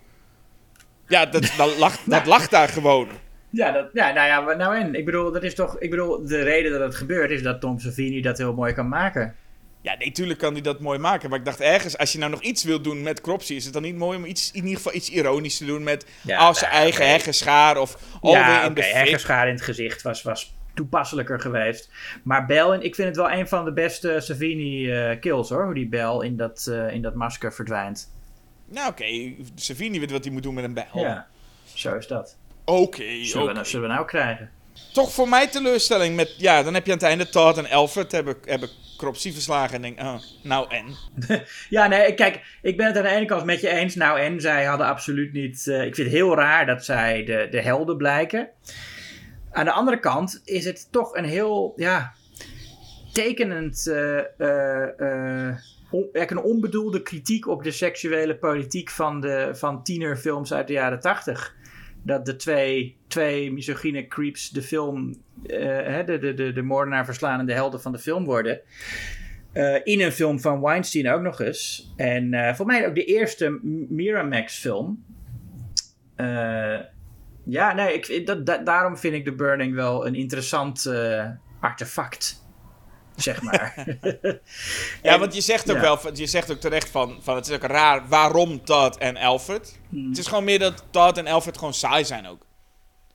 Gewoon, je kiest echt de twee saaiste. Je hebt een hele groep mensen waar je het kan kiezen. Je kiest gewoon de twee saaiste en je zegt, jullie worden nu de helden. Nou, ik vind, ik vind het niet de twee saaiste, moet ik zeggen. Ik, eh, ik, ik vind het toch wel. Ik vind hun eigenlijk. Ja, thematisch wel interessante personages. Ik zat wel vaak te, te kijken naar ze. Ik dacht, oh ja. Ja, het komt ook, en dat zal ik alvast dan vertellen. Ik heb eerst Sleepaway Camp gezien. Oh ja. En toen The Burning. En ik kan je al wel vertellen, als je zeg maar eh Sleepaway Camp eerst ziet, dan is The Burning op veel vlakken saai. En de personages, ja. dat is daar een groot onderdeel van. Dan, ben je, dan vind je die personages dodelijk saai.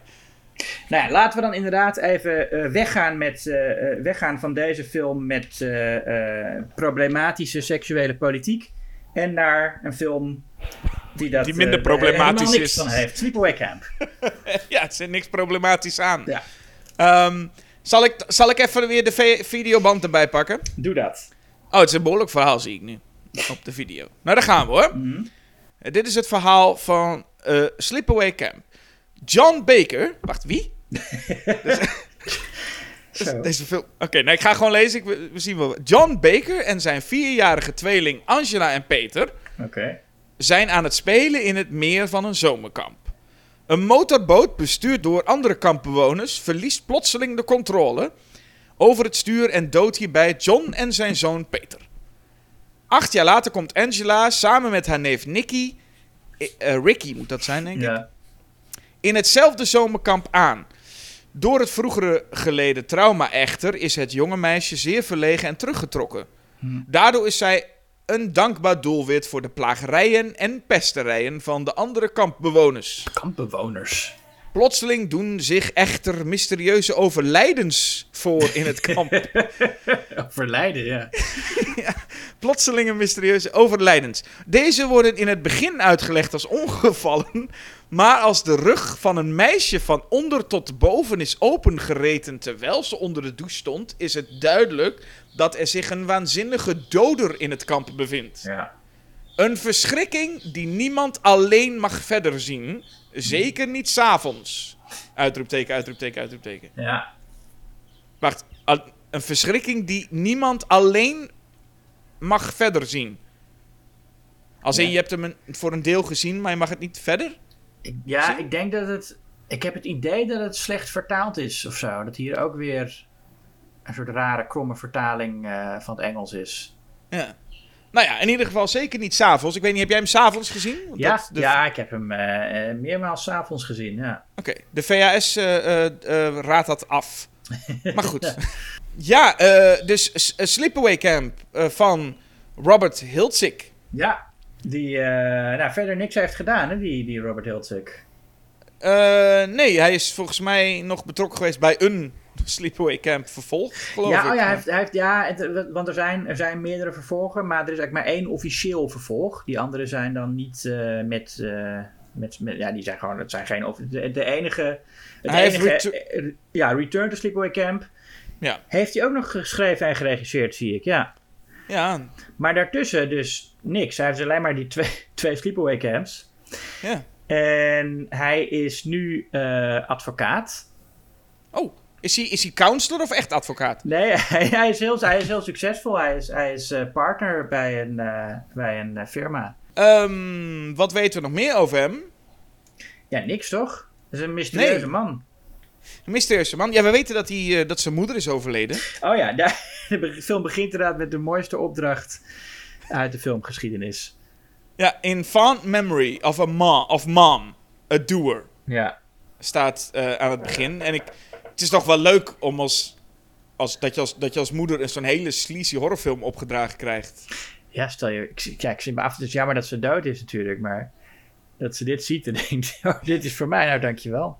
Nou, ja, nou, dankjewel. En vooral wat extra leuk maakt, is dat het een film is die opgedragen wordt waarbij de moederfiguur in de film echt het meest verknipte mens ooit is. Ja, want dat is natuurlijk een van de mooiste rollen. Nou, je, hebt, je hebt eerst, hebben we inderdaad, nou, wat jij net voorlas van de VHS, we zien John Baker. Inderdaad. Ja. Ik had geen idee dat het personage een, eh, een, een naam had. Deze man heet John Eh. Baker. Ja, het is trouwens wel zo, de, de, de, voordat we dat doen, is, is eigenlijk de film opent echt met allemaal herfstbeelden van een zomerkamp. Ja, ja en dat, is, dat vind ik een leuke opening. Een leuke melancholische opening. Want het is inderdaad, je ziet een verlaten zomerkamp. En je hoort nog met een echo de stemmen van de kinderen die daar ooit een vakantie vierden. En dan eindigt het ermee dat het kamp te koop staat. Ja, het is puur dat, dat allemaal... Ja, het zijn lege huisjes en een hoop bladeren. Eigenlijk de herfstsetting is nog het vreemdst om te zien. Mhm. Maar in principe is, is er niet heel veel geks te zien. Het is een beetje zo van, kijk, dit is waar het allemaal is gebeurd. Alleen wij weten dat als kijker nog niet. Dus we kijken vooral naar lege huisjes tijdens de credits. Ja. Met licht onheilspellende soundtrack. Ja. En dan gaan we naar eh, een, een, de flashback dan. Want dat is dus daarvoor eh, dat alles gebeurde. Was er dus inderdaad die John, John Baker. John Baker die met zijn twee eh, kinderen op een, op een bootje zit. En die kinderen die duwen hem er vanaf. Ja. En dan is er een andere boot waar iemand zit te waterskiën. Die, eh, nou, ja, de ongeluk. Ja, er is een, een, een lifeguard, is dat? Althans, dat staat op zijn shirt. Zo'n lifeguard die Ja. dan op zo'n bootje, voor zijn werk is hij dan zo'n bootje aan het varen. En ondertussen is diegene die aan het waterskiën is, die is aan het huilen al van... Mag ik alsjeblieft stoppen? Dat vond ik wel grappig. Ja. ja. En ja, ze zijn nog... En dit is altijd wel geestig. Je hebt dat, dat, is, dat is vaker met van die ongelukken. Dus er is een ongeluk waarbij de, de boot nog kilometers weg is... Maar de bestuurders niet opletten. Maar dan Ja. moeten ze dus heel lang niet opletten. ja. Terwijl je in het frontale shot wel gewoon ziet dat ze recht naar voren kijken. Ja, en die waterskier die ziet het ook al lang. Ja, die die waterski zit heel lang. Ja, maar je moet dus echt een soort van heel overdreven eigenlijk spelen met... Hè, wat zegt ze? Ik, zie- ik weet niet wat ze zegt, maar dan, dat ze niet omdraaien, want dan zien ze het al. Ja. ja. Ehm, en dan is er een ongeluk waarbij ik me altijd niet... Ik kan me niet... Wat daar precies gebeurt, weet ik niet. Want die boot gaat over die andere boot heen. ja. Ik dacht dat die vader, dus John, John Baker, onthoofd zou zijn, maar dat is, dat is niet. Hij drijft gewoon. Ja. Hij is gewoon dood. En één kind is erbij dood gegaan. Ja. En ik, het leukste van het ongeluk vind ik die andere man die buiten staat. En daar wordt dan op zijn gezicht ingezoomd. En die fluistert dan: John. Die vind ik echt het leukste. ja, oh ja, want er is ook nog een andere man. En dat is dan, ontdekken we later, de homoseksuele minnaar van John Baker. ja, de geliefde van John Baker. Ja, want hoe ziet dat nou precies? John Baker is de vader van beide kinderen.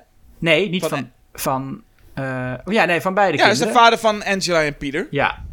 En ehm, als hij doodgaat, dan gaat dus het overlevende kind naar.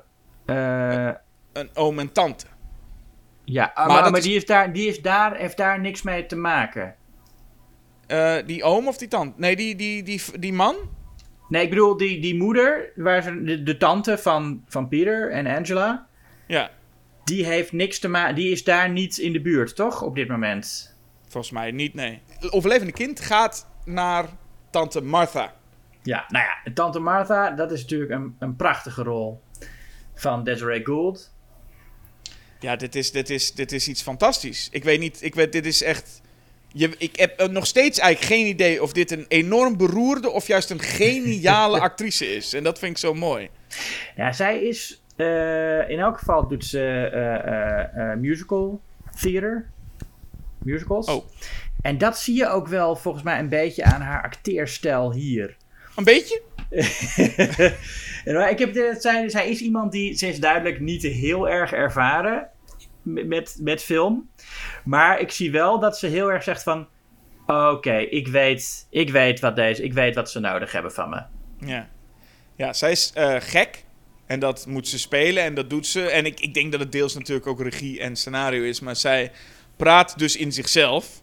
Ja. Dus zij zegt eh, bijvoorbeeld: eh, Kinderen, kom snel, anders dan, dan mis je de bus. En dan zegt ze daarna tegen zichzelf: Oh, dat zou niet goed zijn. Nee, nee, dat zou niet goed zijn. That wouldn't do it all.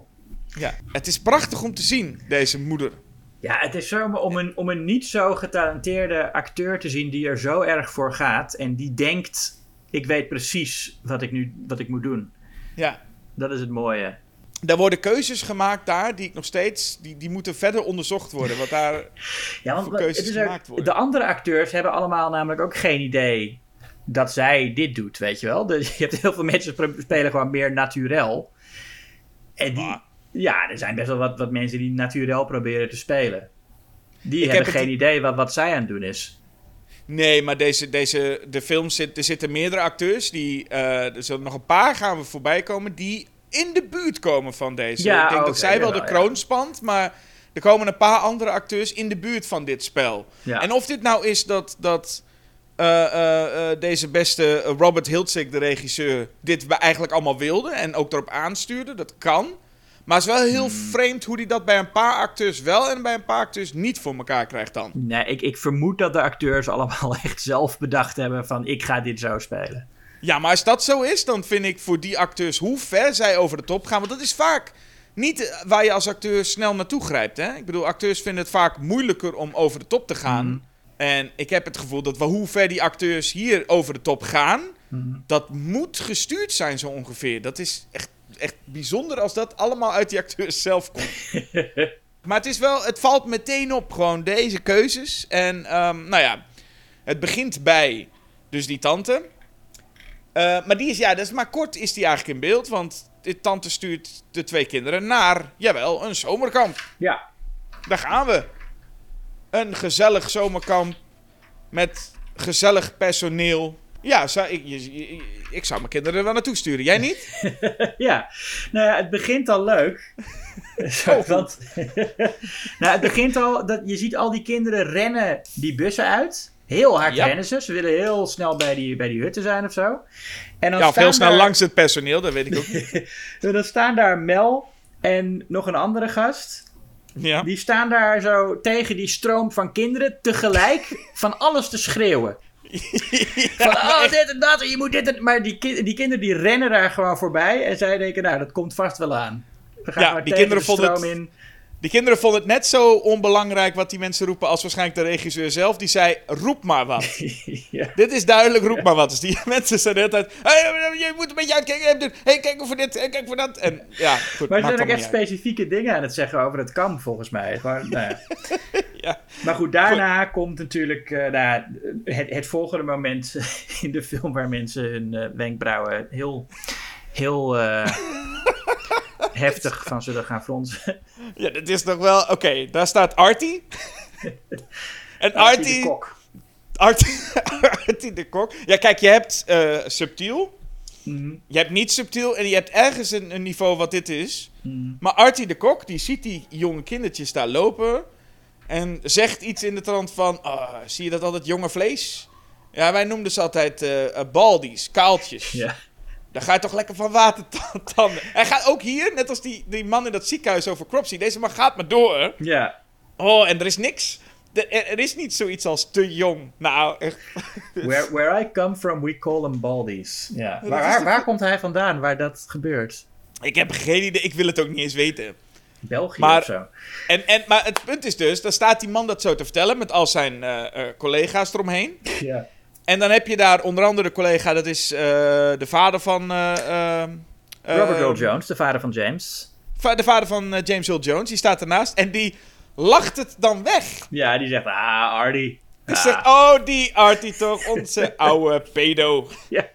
Dat is best ook heftig. Het is niet alsof, als iedereen nou met z'n allen gewoon eens was... van dit is echt verschrikkelijk, dat kun je niet maken. Maar nee hoor, het is allemaal achter heb je Artie. Ja, ja, jaren tachtig, hè? Ja, het is... ging het is toen. En, en het is nog het allerergste als... Oké, er zitten ook een paar goede mensen in. Eh, volgens mij is de, de good guy... eh, is, is, is die... Ja, hij deed mij een beetje denken aan een hele, hele gespierde jonge Dustin Hoffman. Hmm.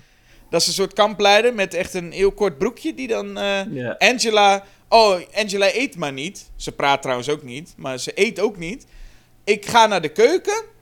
En ik geef haar Ja. in handen van de minst, de persoon waar je absoluut... Dan zegt hij, hey Artie, en dan komt Artie ook aan met allemaal vlekken in zijn shirt, met blikje bier in zijn handen. En dan zegt hij, hey eh, Artie, kun jij Angela eens meenemen en iets lekkers laten uitzoeken in de, keuken? Ja, ja.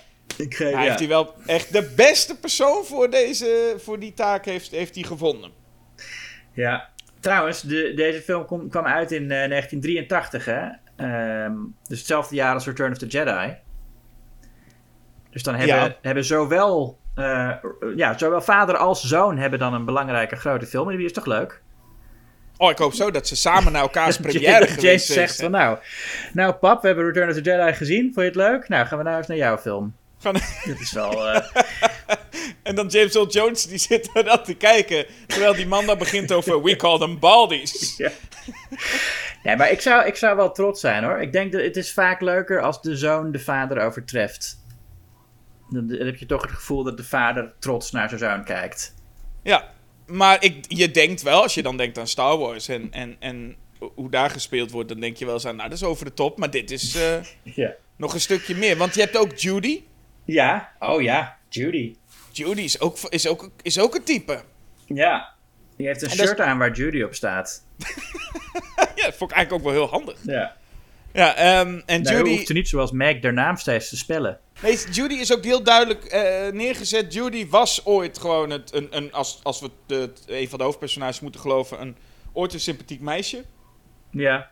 Maar heeft nu borsten gekregen. En praat nu met de oudere jongens. Ja, Ricky zegt dan van, nou, Judy en ik waren vroeger eh, goed, maar nou is ze opeens arrogant geworden. Ja, en dan Ja. zien we ook dat ze ineens met oudere jongens... Maar oudere jongens trouwens, hè. Gasten van 40 staan, staat ze oh ja, te praten. die- komt jouw stokpaardje weer. ja, met dit ook. Er staan er torenhoge gasten. Waarvan je denkt, wie zijn dit? maar, ik, nou, je moet, ik moet wel zeggen, dit is toch een van de films waarin ook echt jonge kinderen en, en waarin ook wel 16-jarigen zitten die ook eh, volgens mij wel door 16-jarigen gespeeld worden. Jazeker, nee, dat is absoluut waar. Er zitten hele jonge kinderen. Eh, en daardoor valt het extra op dat sommige mensen 35 zijn. Ja. Ja, in, eh, ja, eh, in, in, in, korte, in korte, korte... Wist je dat er zulke korte broekjes bestonden? Nou, nee, maar ik wist ook niet dat er zulke korte shirts bestonden. En, korte, en die naveltruitjes, dat Ja. is ook wat. Maar die man, Ja. die, er is toch zo- zo'n gast die rondloopt die gewoon alleen maar een, een shirt dat ophoudt net onder zijn tepels heeft hij aan. Dat klopt, ja. Ja, Dat, dat wist ik niet dat dat bestond. Dat zijn- Die korte Nee. broekjes kende ik wel. Nou, maar dit... Maar ja, ik, ik bedoel, korte broekjes. Ja, en dit zijn... Maar dit zijn echt korte broekjes. Nou, Nou, ik heb ze korter gezien hoor. dat Ik- blijft niks zo. zie- Dat, dat zijn dat riemen. korter, Ja, ja. Maar goed, die, die, die, eh, dat is trouwens ook leuk aan deze film. De, de ene leuke feit komt Mhm. eruit. Deze film bevat dus eigenlijk geen vrouwelijk naakt, maar heel veel mannelijk naakt. Ja, Dus dat valt ook op. Allemaal, allemaal mannen in, in, in naveltruitjes en zo. Maar ook dus best wel wat eh, mannelijk naakt. Maar vrouwen, vrouwelijk naakt zien we niet. Nee. Dus Ja, het is de- duidelijk niet geschreven door Harvey Weinstein. Nee, nee, nee. De, de naarste scène wat mannelijk naakt betreft is toch wel die waarin met, met Mozart, de nerd van het stel, Ja. eh, die, die krijgt ook een, een, een poets. Er wordt Ja, een die poets gebakken die dat- ook, die ook flink uit de hand had, had kunnen lopen. Dat hij inderdaad dan... Nou, Mozart die ligt op de grond met een doek over zijn hoofd. En Ricky is dan een heel verhaal aan het vertellen. En uiteindelijk is de hele grap dat een ander jongetje aan het moenen is boven Mozart. En als Mozart dan weer rechtop gaat zitten, dat hij dan met zijn hoofd tussen de billen van, van dat jongetje komt. Ja. En dat hoor, daar hoor je ook echt zo'n soort geluid bij. Zo'n, Je vraagt je af of dat... is- Ja, maar het echt... ja, Dat, Dat En ik denk dan, dan, zit je, dan, heb je, dan heeft dus, dat heeft ook een volwassen man geschreven, een scène waarin, en dit is wel met echt kinderen van, van onder de 15. Ja. Heeft een volwassen man zitten schrijven, nou, dit jongetje van 13 eh, moet even zijn billen laten zien en dan gaat een ander jongetje met zijn hoofd Nou ja, ertussen. Je kunt het inderdaad nog schrijven. En als zijn, ik, ik denk dit is best wel kinderhumor. Kan ik me nog wel iets bij voorstellen. Ja. Maar je Nou. moet het ook regisseren. En je moet ook tegen de acteur zeggen: Nou, zullen we nog één keertje doen dan? ja. dat is ook wat. ja. Maar ik vond wel, het is wel sneu. Dat is een beetje, dat, ja, dat, dat, dat las ik dan toevallig. Dat die acteur, die Willy Cuskin, die Mozart speelt, ook echt op de set gepest werd. Nou, Dus dat vond ik dan verder. Toen ik dat las, vond ik het wel meteen een stukje minder leuk. Want dat is inderdaad een jongetje die de hele tijd gepest wordt, iedereen. mhm. Ehm, maar klopt, ja. Dat is, dat is ook. Dus inderdaad zit er naakt in. En volgens mij inderdaad ook wel 15-jarige jongens konten. ja. Ehm, dus het zou ook echt een film voor Artie zijn. Ja, ja, ja, maar helaas eh, kan Artie hem niet zien. Want nou ja, we weten eigenlijk niet of zijn ogen ook eh, verbrand zijn. Hè? Daar wordt toch een heel punt van gemaakt. Nee, ja, dat is absoluut waar. Artie die. eh, ehm, Nou, moet je eerst even heeft- terug dat die, hoe die, hoe die terug naar de scène met, met Angela in de, in de, in de, in de koelkast. in de voorraadkast. In de voorraadkast. Want hij, die Artie die denkt ook echt, die gaat er meteen werk van maken. Hè? Hij denkt van nou, ze hebben me... Misschien is dat wel ook betaald hij, die gaf daar ook wel voor of zo. Van nou, ik heb, ik heb het eerste kind eh, geleverd gekregen, ik ga meteen aan de slag. Hij gaat Ja. meteen zijn broek openmaken. Hij wint er geen doekjes om. Hij zet meteen Angela in de voorraadkast neer. Hij zegt: Ik heb wel wat lekkers voor je. En begint zijn broek open te maken. Mhm. Eh, Vies, dat is het woord wat mij steeds in mij opkomt. Vies. Mhm. Maar dat hele kamp, die hele film, dat, maar dat hele kamp is vies, hè? Ja. Het is, er hangt een ongelooflijk vies zweetje, maar overal waar je kijkt, het is smerig. En je hebt ook, Ja. Ook die, die Mel, die jou noemde, die man, die oude man met zijn sigaar, de baas daar. Ja. Die is, dat is ook zo'n vieze man. Vieze man, ja. Het is allemaal, alles is gewoon smerig aan dat kamp. Dus die hele Artie, daar kun je van denken, vieze man. Maar hij past er wel perfect tussen, want ik, ik, zou, ik zou daar niet eh, graag zijn. Als Nee. je, overal heb je het gevoel, die hele keuken ook. Nee. Ach, Ja. ja. Ja, daar staan ze dan te koken in die keuken. Een eh, enorme pan met water. Je dat? Dat is ook niet praktisch, hè, zo'n hoge nou ja, pan. ik snap dat wel. Je moet voor, je moet voor een heel kamp eh, ki- kinderen Ja, moet je maar koken. Dus heb je Neem dan, op zijn minst een, neem dan op zijn minst een pan waar je gewoon wel in kan kijken. En neem er dan twee. Ja, nee, zo'n hoge pan dat je op een ladder moet klimmen om erin te Ja, kijken. hij moet dat op is een zo... trap. En dan zegt hij van... Maar er zit dus alleen maar water in die pan op dat moment. Hè? Dat zegt hij ook. Het is alleen maar water. Maar dan Ja. vraagt hij... Is it done? En dan denk je... Wat, hoezo, wat, wat, wat ben je... Je wil water koken? Is het al klaar? Ja, En dan klimt hij op dat, op, dat, op dat trappetje en dan kijkt hij erin en dan komt er vet veel stoom uit. En dan zegt hij, ah, nog eventjes. ja, nog een paar minuten. Ja, waar, waar heb je het over? Het water kookt toch nu? Ja, denk je, eh, ziet, dat, ziet dat er echt uit als een man die weet waar hij het over heeft? Nou, En als hij dan later zegt dat het eindelijk klaar is, dan komt er veel minder stoom uit. Want dan doet hij de tweede keer de deksel uit, dan komt er een klein beetje, zegt hij, oh ja, de girl. Nou ja, dat, is, dat, dat, valt, dat valt mij dan op. Ja, dat valt je op. En het is ook niet... eh, ik zou überhaupt niet van de kookkunsten van Artie willen proberen nee, ooit. nee, nee, nee. Want er Ehm, moet helemaal mais in, toch? In die pan. Ik weet niet wat erin gaat. Er liggen allemaal kool van mais klaar. Ja. Maar goed, het mooie is wel, eh, dan komt dus iemand, een mysterieuze, de, hoe, noem, hoe heet het ook, de geheimzinnige doder, hoe wordt het genoemd op de achterkant van de, van de band? Oh ja, even kijken. De, de... Nou, er zijn, het zijn mysterieuze overlijdens. Ja. En eh, dat, eh, dan is er een waanzinnige doder in het kamp. Ja, nou, de, de waanzinnige doder duwt Ardy dan ja, voorhoofd, dat hij eigenlijk over die pan heen hangt. Ja, hij krijgt gewoon een klein duwtje en hij, hij moet even leunen tegen de mu- muur. En hij pakt een voorraadplank, pakt hij vast. Ja, hij pakt voorraadkast en dan... eh, en dan denk je nou, oké, dit, is, dit is niet zo heel erg. Nee, maar hij is dan boos. En dan zegt hij tegen... Hij staat nog op die stoel te leunen tegen een, een plank. En dan zegt hij... Nou, hè, help me even naar beneden. Ik denk, help me even naar beneden. Stap gewoon van die stoel af. Wat, Ja. wat is... Zeg maar, je hangt niet ergens boven. Je, je kunt gewoon van die stoel afstappen. Ja. Maar hij doet alsof hij er soort van boven hangt. Ja. Ja, en Nou. dan, eh, ja, dan wordt die, de, de, eh, dan wordt die stoel weggetrapt, toch? Ja. En dan valt hij, valt hij naar achter, maar pakt hij meteen die hele pan mee. Ja, dat is dat fijn dat de moordenaar had kunnen inschatten van... Ik gok dat hij dit gaat doen. Ja. Want hij wordt niet in die pan geflikkerd, wat prima had gekund. Maar hij flikkert eigenlijk om en die pan gaat mee en komt over hem heen. Ja, ik denk dat dat, dat is wat Robert Hiltzik wel bedacht had. Van oké, we hebben een scène in een keuken met een heel grote pan met kokend water. En die man moet daar dan in. En dat hij dat had, helemaal voor zich had gezien. Maar hoe ga je dat dan logistiek aanpakken? En dat hij daar gewoon niet uitkwam. Dat hij dacht van ja, maar hoe, hoe kan ik nou filmen dat die man, hoe zou die dan moeten vallen? Hij moet dan eigenlijk op een veel hogere ladder nog staan, maar... En dat, het, en dat het uiteindelijk gewoon dit is geworden. Dat die, dat die man gewoon valt en die hele pan met zich meeneemt. En dat mensen toen ook zeiden, toen hij dat herschreef had, dat ze zeiden, oh, dan kunnen we ook wel voor een kleinere pan gaan. En dat, die, dat Robert zei, nee, nee, nee, ik heb die pan al geregeld. We gebruiken die pan waar die man in kan. Ja. Dat is beter zo. Ja. Ja. En dan, wat opvalt, ehm, ik, ik, ik ging even zoeken wie hier de make-up effect eigenlijk Ja? voor gedaan hebben. Ik kom met wat namen, een, eh, ik zie een Ed French, ja, maar goed, in ieder geval, ik zie geen, ik, zie- ik zie geen Tom Savini staan. Nee, maar het zijn wel echt goede effecten dit, hè?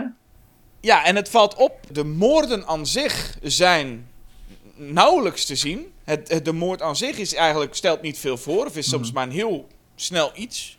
Maar de, het is vooral de aftermath, dus de, de, de, het resultaat, het gevolg, wat echt volledig in beeld gebracht wordt met hele overtuigende make-up effecten. Ja. Ja. En dat zie je hier ook. Ik bedoel, in principe zien we een man vallen met wat water over zijn hoofd heen.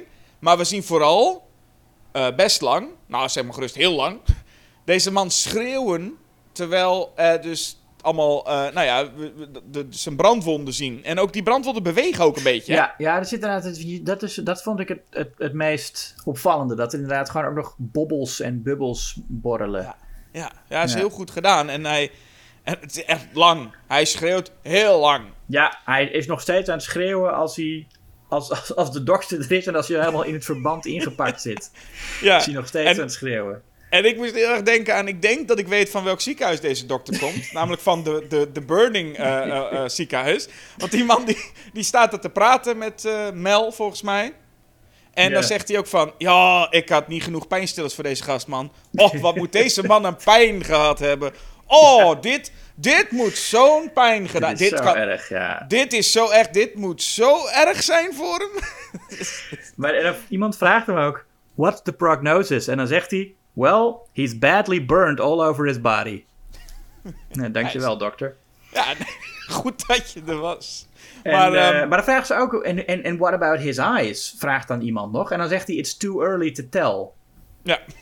En die, ik snap dat niet helemaal, waarom dat nou gevraagd wordt en, en waarom dat geantwoord wordt. Wat Ja, dat weet, ik weet ik ook niet precies, nee. Dat, Ik, ik niet snap meer, dat wel... hij niet meer naar kleine kinderen kan kijken. Oh, dat zou kunnen, want ik snapte wel, omdat ze heel erg blijven hameren op het feit dat het allemaal zo'n pijn deed en zo, is denk ik gewoon hè, dat we genoeg... Deze film wil wel het gedrag van Artie afstraffen. Dat scheelt nog wel Ja. weer. Nee, maar ja, maar hij overle- hij is de enige die er overleeft van de slachtoffers. Ja, maar waarschijnlijk niet met heel veel... eh, hij, hij, hij komt, dat is wat ze volgens mij willen zeggen. Mhm. Waarschijnlijk hopen ze nu dat we zijn van... Nou, Artie blijft leven, maar dan wel als een blinde... eh, compleet verbrande man. Het zou eigenlijk een soort eh, The Burning-achtig Ja? iets kunnen zijn. Hij, maar- een vervolg op kunnen maken met Ja. Artie. Ja. Maar wat het ook is, Artie, eh, ja, en misschien moet het ook zo, want hij, hij blijft maar schreeuwen. Misschien is het daarom ook dat ze benadrukken hoeveel pijn het doet. Van, ja, hij kan alleen maar schreeuwen. Want anders had hij natuurlijk gewoon kunnen zeggen van, hé, hey, Angela heeft mij eh, omvergeduwd. Maar dat zegt hij niet. Ja, dus hij had eigenlijk, eh, al- al- als hij, als, hij iets, als hij wat minder eh, pijn had gehad, had hij gewoon eigenlijk die hele film onmogelijk kunnen maken. Ja, want dat is wel een goeie wat je nou zegt. Want Angela, dat had hij gewoon kunnen zeggen. Maar dat mag ook nog niet. Want de film wil dat eigenlijk ook niet. Want ook hier, het is een whodunit. Ja, En hier is het nog iets meer een whodunit. Dat is eigenlijk volgens mij niet echt nodig. Je kunt gewoon zeggen, eh, Angela is de moordenaar. Mhm. Maar we willen toch alsof het een whodunit is. En dat we kunnen denken, ja, het zou ook maar zo iemand anders kunnen zijn. nou, er wordt, er wordt vaak gesuggereerd dat het Ricky is. Precies, dat, dat denkt ja. Mel ook. Want Ricky, want Angela wordt de hele tijd gepest, omdat ze zo stil is. eh, en, maar Ricky neemt het dan de hele tijd voor haar op en roept dan ook dingen als fuck you guys and I'm gonna Ja. kill you. Ja. Maar ik, het een beetje gek, want dus verder zijn er niet heel veel mensen waarvan we denken, die zal het zijn. Eh, er zitten genoeg rare mensen Nou, in deze film dat je er Ja, er zit er af en toe wel een soort red herring in dat je... Nou, kijk, het, want je ziet wel de handen en je ziet dat het een kind is. Dus dat het, dat het iemand als Mel zou kunnen zijn, dat, dat, is, dat is inderdaad uit, uitgesloten. Ja, maar die zou er Eh. ook geen enkele reden voor hebben, want Mel heeft er juist vooral baat bij dat dit zo snel mogelijk vergeten wordt Ja, en we doorgaan. Hè? Hij Ja, is hij als is een de, soort... de Jaws-burgemeester. Ja, maar dan wel in het, kwadra in het kwadraat. Maar dan komen we bij, bij de volgende moord al. Eh hier is het nog sowieso gewoon een ongeluk, hè? Ja. En de vader van Darth Vader krijgt een, een beetje extra geld en zegt... Nou, neem jij de hele kok, eh, het kookgebeuren maar over. Ja. Veel slechter kan het toch niet worden. Mhm. En, dan, en dan gaan we naar een enorm lange honkbalscène. Ja, lekker honkballen. Ja, maar ook gewoon... Daar is het. Ik, je wil dan zeggen, nou hier wordt iets opgebouwd. Of hier wordt iets... Maar dat we gaan gewoon nog even een paar minuten naar honkbal kijken. Ja, Mozart staat eh videospelletje te spelen. Ja. En, eh, en, en mensen worden heel boos. Dat is, want het zijn dus. Het, zijn, het is een honkbalwedstrijd van, van kinderen zeg maar, tussen de 10 en de 30 of zo. Zijn de deelnemers. ja, klopt. En, eh, eh, en, de, en, de, en de, oude, de, de oude jongens worden heel boos dat ze niet winnen. Of dat hun team Ja. niet wint. Ja, waarschijnlijk omdat ze de kleren aan hebben van die kinderen van tien. Want dat, dat, dat, zijn- ze hebben allemaal dus inderdaad zo'n heel klein truitje aan. En zo'n heel kort broekje. Ja.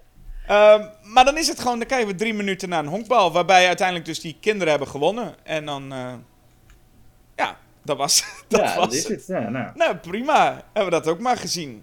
Ja, misschien wordt hier dan ook nog gedaan van, oh, omdat ze zo boos zijn. Ik zit te denken, mi- misschien is het ook de bedoeling dat wij denken van, oh, misschien is, is, worden daarom ook wel moorden gepleegd. Dat een van de verliezers Oh, de, de, de andere wil terugpakken. dat het echt puur wel scènes zijn om iemand maar neer te zetten als wie weet Ja. zijn zij het. Ja. Ja. Nou ja, er zijn meer, eh, nou ja, nare mensen. Want er zijn natuurlijk alle, alle pestkoppen van Angela. Want iedereen pest Angela. ja, want Angela, die, eh, ja, dat is ook een soort, een soort Carrie eigenlijk. Ja, Ja, en- heel teruggetrokken meisje. En bij Carrie had je ook nog kunnen denken van... Nou, daar, daar zijn die pestkoppen nog best eh, niet heel subtiel, toch? Mhm. Eh, maar hier heb je dus Judy, daar hadden we het net al over, hè? Judy met Ja. de naam op de, op de trui. Maar Judy, die acteert ook fantastisch. Ja. De keuzes die Judy maakt, ik moest heel erg denken aan, aan eh, Kim Holland. Die praat ook zo, met zo'n beetje de kaak naar beneden. Nou, Ja. de ogen rollen nog net niet 360 graden. Ik vond dat ook heel fijn, hoe de, de, de acteerkeuzes die. Judy maakt. Als, eh, nou, bitch, we Ja, zeggen. ja, dat is ze. She's a real goed. carpenter's dream. Flat as a board and needs a screw. Ja, en nu breng je het eigenlijk nog vrij naturel. Ja. Het grappige is ook dat ze niet in. eh, dat Angela dus niet. eh, zeg maar stil is. En heel angstig een beetje in, in één kruid. Maar ze kijkt gewoon heel droogjes. Je blijft ze je gewoon aanstaren. Ja. Ja. Dus dat- ik kan me ook wel ergens voorstellen dat het heel. Op een gegeven moment word je daar misschien wel een beetje ongemakkelijk en mogelijk ook woest van. Het feit Ja, ik kan me ook wel voorstellen. Ja, tuurlijk. zo lang je gewoon aanstaat met een heel droge, droog gezicht. Maar ja, uiteindelijk weet Paul haar uit de tent te lokken. Ja, eh, Paul en, en Angela, ik vind ze heel cute samen. Ja, dat is een leuk stelletje. Ik vind het echt, ik had ze heel veel gegund. Had ik bij, bij Carrie ook nog. Je kijkt soms van die films dat je denkt, ik gun ze alle plezier ja, nee. Carrie natuurlijk ook. Ik, ik hoop, altijd als ik Carrie kijk, hoop ik eh, dat, dat, ze, dat het dit keer eh, goed afloopt voor haar. Ja. Nou, ja, wat we al zeiden, de er is een hoop mannelijk naakt. Hè? En op een gegeven moment gaan alle mannen ook eh, skinny dippen. Mhm. De vrouwen niet, dus de mannen gaan met z'n allen gewoon. Nee, ze proberen die vrouw ook nog over te halen om mee te gaan. Maar die gaan en dan zeggen ze ook van, ja, je, je, je, weet, je weet niet wat plezier is, jij. En een van die dudes, ah, het was de één gast, die vraagt dan midden in de nacht zo'n meisje mee eh, om in, in zijn kano mee te gaan, varen. Ja. En dan gaat zij dus mee, dat meisje. En dan roept nog een van zijn vrienden, roept dan, hé, hey, goede reis. Mhm. En dan is dat meisje, die zegt dan ook van...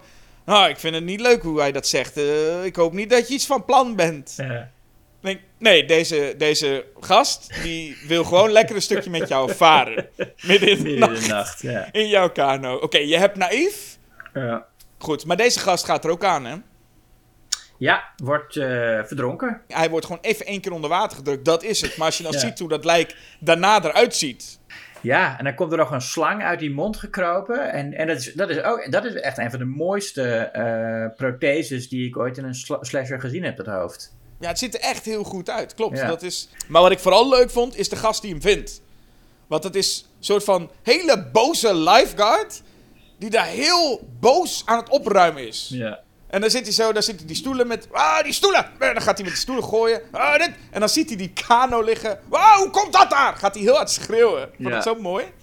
Eh, en als hij dan eenmaal dat lijk van eh, die gast, Kenny, gevonden heeft... doet hij zijn fluitje in zijn mond en dan loopt hij al fluitend achteruit. Ja. Ook keuzes. Dit zijn ook keuzes van deze lifeguard. hoe die acteert en hoe die dat doet. Agressief Ja, en- opruimen. Het is toch fantastisch? Wie ook een van mijn eh, favoriete personages in de film is, ook qua acteerkeuzes, is de politieagent die telkens terugkomt. die hier nog een echte snor heeft. ja.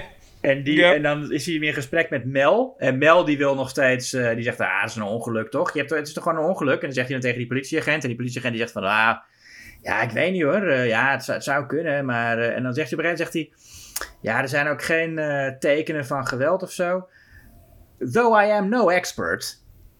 Eh, Zo mooi hoe hij dat nog toevoegt. aan, eh, Ja. Ja, en, en, en die, die hier, hier ontpopt die Mel zich inderdaad ook echt als, als, als de Jaws burgemeester in het kwadraat. Gewoon Ja. echt bij alles, hij wil alles maar krom of recht lullen wat, wat krom is. Maar hij, hij moet wel steeds de ouders inlichten. Ik zou graag. Ik, zou- ah, dat- zou toch ook een leuke running gag geweest zijn. Als, als we die scènes zouden zien. Dat hij telkens weer moet opbellen naar de ouders. Ja. En deze, deze Mel krijgt een wat grotere rol. ehm, omdat hij een van de mensen is die Ricky verdenkt. En op een gegeven moment willen twee meisjes eh, eh, Angela in het water gooien. Dat doen ze ook. En dat gaan ze ook doen. En Mel houdt dan ook Ricky tegen. En ik weet echt nog steeds niet zo goed waarom hij dat nou doet. Nee, maar hij, hij ziet volgens mij helemaal niet dat er iets gebeurt. Mel wil gewoon met Ricky praten. Over dat hij denkt dat hij de moordenaar is. Voordat, eh, eh, eh, voordat, voordat eh, Meg. Ja, Meg tilt eh, Angela op om er in het water te gooien. En Judy loopt er achteraan.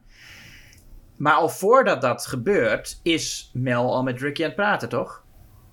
Ja, ja, klopt. klopt. Ja, maar dus, en, dan, en dan wil Ricky weg om dat te gaan doen. En dan zegt Mel van, hé, hey, hier blijven jij. En dan zegt hij inderdaad, ja, je- dat, dat, nou ja, ik weet niet wat hij dan zegt. Maar... ja, En, en hij laat Ricky verder ook gewoon op dat kamp rondlopen. Maar hij zegt wel van, hé, hey, ik hou je in de gaten, jongen. Ik weet, ik weet wat je doet. En die Meg, hè, is dat nou een kampleidster? Volgens mij wel, ja. Ja, Jawel. Ja, ja, ja, ja. Want het is. En Judy niet. Nee, Judy ook volgens mij. Oh, Judy ook. Ja. Oh, joh. Nee, Judy en Max zijn wel allebei eh leidsters. Grappig Ehm, dat Meg volgens mij met Angela weer in contact wil komen door te zeggen: Hey Angela, kun je zwemmen? En nou ja, verrassend genoeg zegt Angela dan niks. En dat ze helemaal flip, dat ze het echt helemaal klaar is met deze Angela en dat ze niet wil reageren. Dan gaat ze helemaal uit het dak. Dat je ook ergens denkt: dit is sowieso een overdreven reactie. En als kampleidster al helemaal. Ja. De gespierde Dustin Hoffman is eigenlijk de enige voice of reason, hè, die man. Ja, dat is, de, dat is eigenlijk de, de, de dichtste bij een held dat deze film komt. Ja. Ja. ja, gewoon een sympathiek figuur. En dat heb je in deze film heel weinig van. Ja, nou, Meg, kijk, ik denk dat Meg, ik weet het niet zeker hoor, maar volgens mij zijn Meg en Judy allebei sowieso leidsters. En want anders zou het ook, nou ja, niet dat, ik, niet dat deze film eh, zou terugdeinzen voor iets fouts, maar anders zou het nog fouter zijn dat Meg een date heeft met Mel. Ja, dat is ook zo'n ding.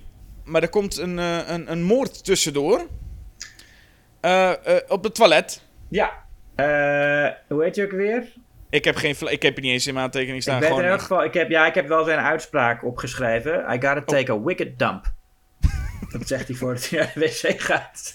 I gotta take a wicked dump. Ja. Ehm, ja, ook een van die pestkoppen in ieder geval is het. Ja. En ehm, ook hier zie je het dus. Hè. Dat is een, de bijenmoord. Dan wordt er dus in, in, bij hem in het toilet gegooid. En het toilet is op, eh, op eh, slot gedaan. Ja, dus, En ja. dan zie je ook weer hoe simpel. Want je ziet dus niks. Je hoort wat.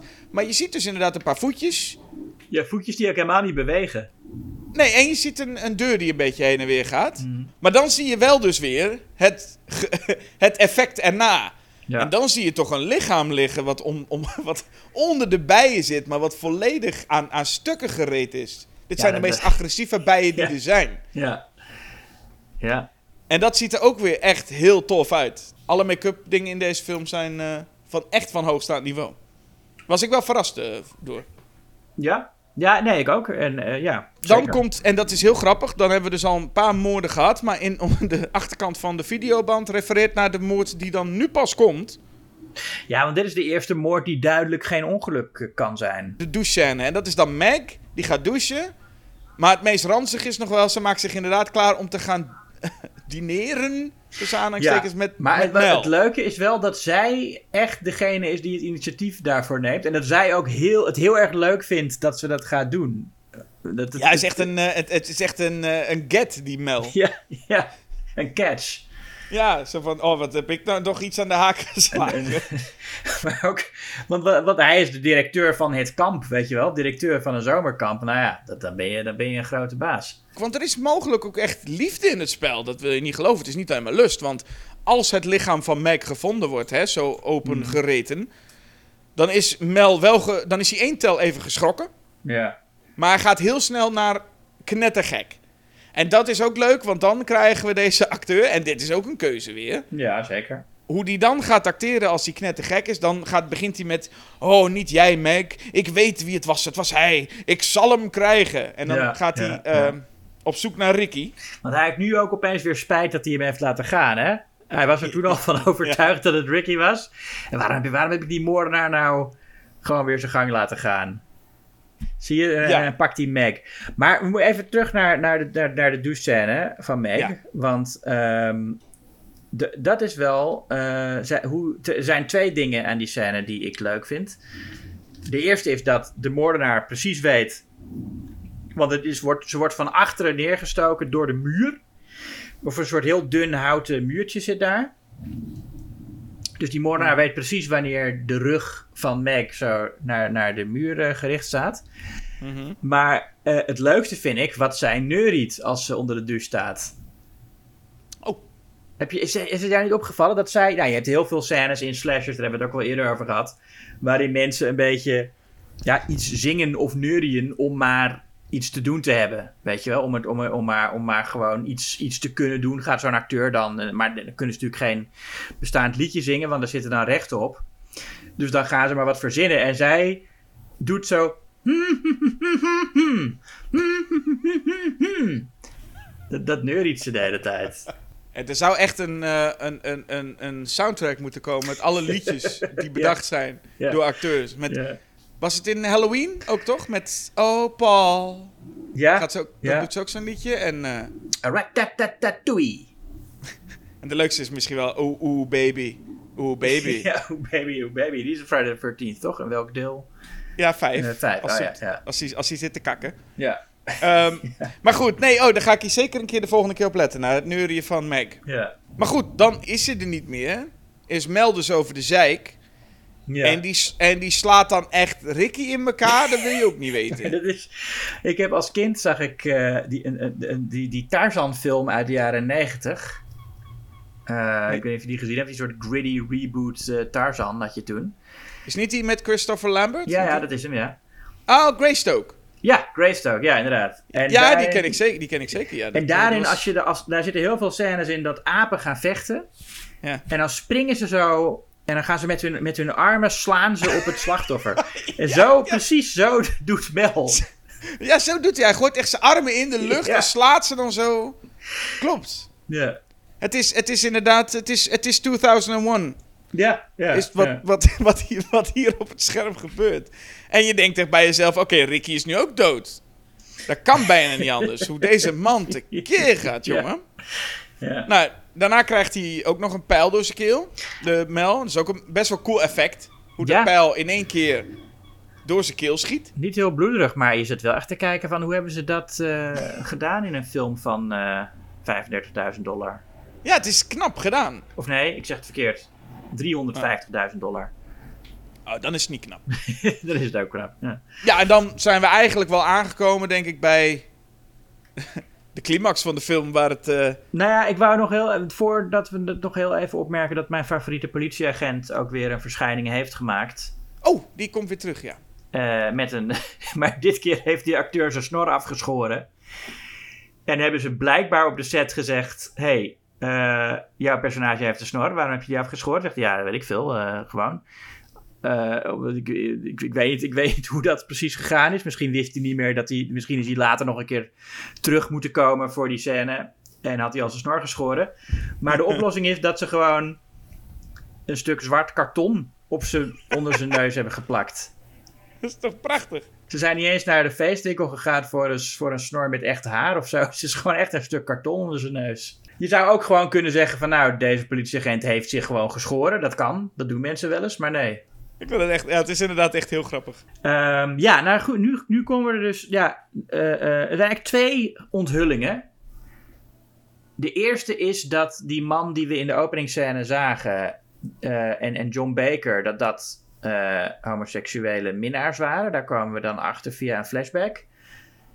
En dat Angela en Peter, de twee kinderen van John Baker, hen ooit in, in bed hebben gezien.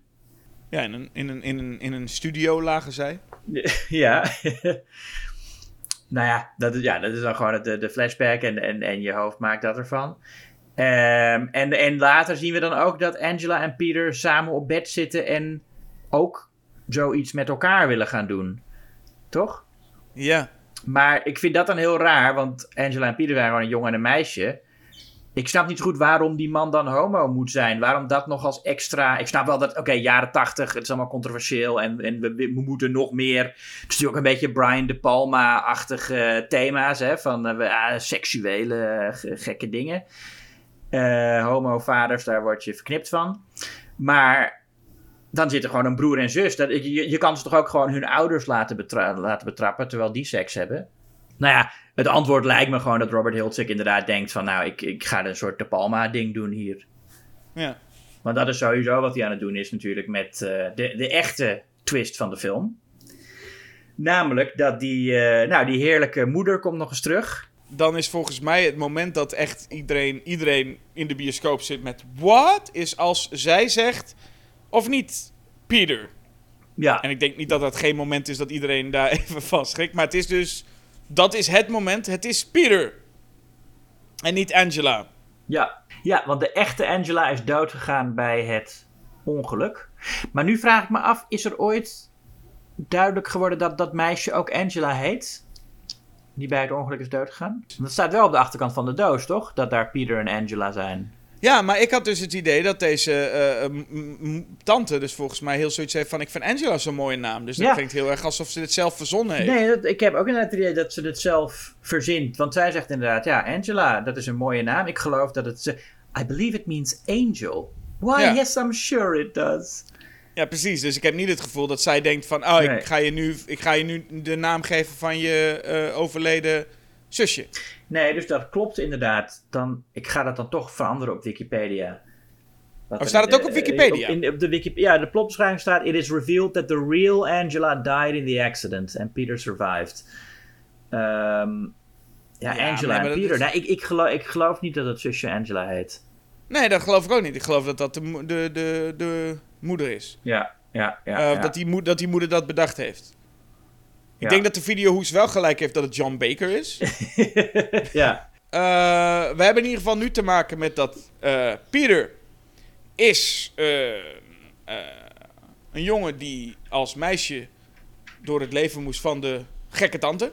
Ja, die tante heeft hem gedwongen om als meisje te gaan omdat zij al, al, al een jongetje heeft. Ja, en dan uh, zien de sexy Dustin Hoffman en, en, en een andere chick, ik weet niet meer wie dat dan is, uh, wie er nog over is. Wie, met, wie, met, ja, met wie is hij? Ja, dat weet ik ook even niet. Gewoon met iemand. Uh, het is, ja, Judy en Meg zijn dood. Um, oh ja, want Judy hebben we helemaal niet gehad. Die, die, die wordt oh, gedood ja. met, met, met krul... krultang. Met de krultang. Ja, dat is ook een nare scène. Hallo. Dat is ook... Dat is, ja, nee. krultang in de even. vagina.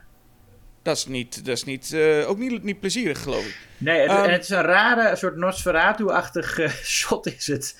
Dat je dan, want je ziet haar schaduw terwijl het gebeurt. En dan zie je zo opeens haar handen in de lucht gaan. Ja. En dan denk je ook van ja, als je met je handen in de lucht zit, waarom pak je niet, uh, weet je wel, waarom laat je dat allemaal toe, wat, wat er daar met, je, met die krultang gebeurt. Mm -hmm. Maar ik vind het wel een Je ziet, ik, het is, eh, het is een, een aandoenlijk shot, op de, hoewel het natuurlijk een heel naargeestige scène is. Is het ook een beetje aandoenlijk dat je denkt van, oh ik weet wat hij probeert hier. Die Robert Hiltzik die wil hier een soort klassiek horror shot maken met een schaduw van iemand die vermoord wordt. Maar ja, het, het, het, het klopt niet echt. En volgens mij is dat ook de enige, maar ik meende te lezen dat die weggeknipt is. Dat het, hoe dat eruit zag, ook gefilmd is. Dus zeg maar de, de aftermath. En dat dat eh, too much was en weggeknipt moest Ja. Oh, weet je wie er ook nog zijn? Wat ik, wat ik, heel, wat ik de eerste keer dat ik hem zag ook een beetje miste. Mhm. Eh, die kleine kinderen. Die ook vermoord worden. Oh ja, er zijn allemaal kleine kinderen inderdaad. Die, die, ja, dat is ook best wel heftig eigenlijk. Ja, en ik, de eerste keer dat ik dat zag, dacht ik, hè, wat, wat, want je ziet dan eh, een soort slaapzakken met allemaal bloed en prut. En de eerste keer dat ik dat zag, dacht ik, waar, waar kijk ik naar? Wat is dit? Maar dat zijn dus de kinderen die in het bos eh, waren en daar in slaapzakken lagen.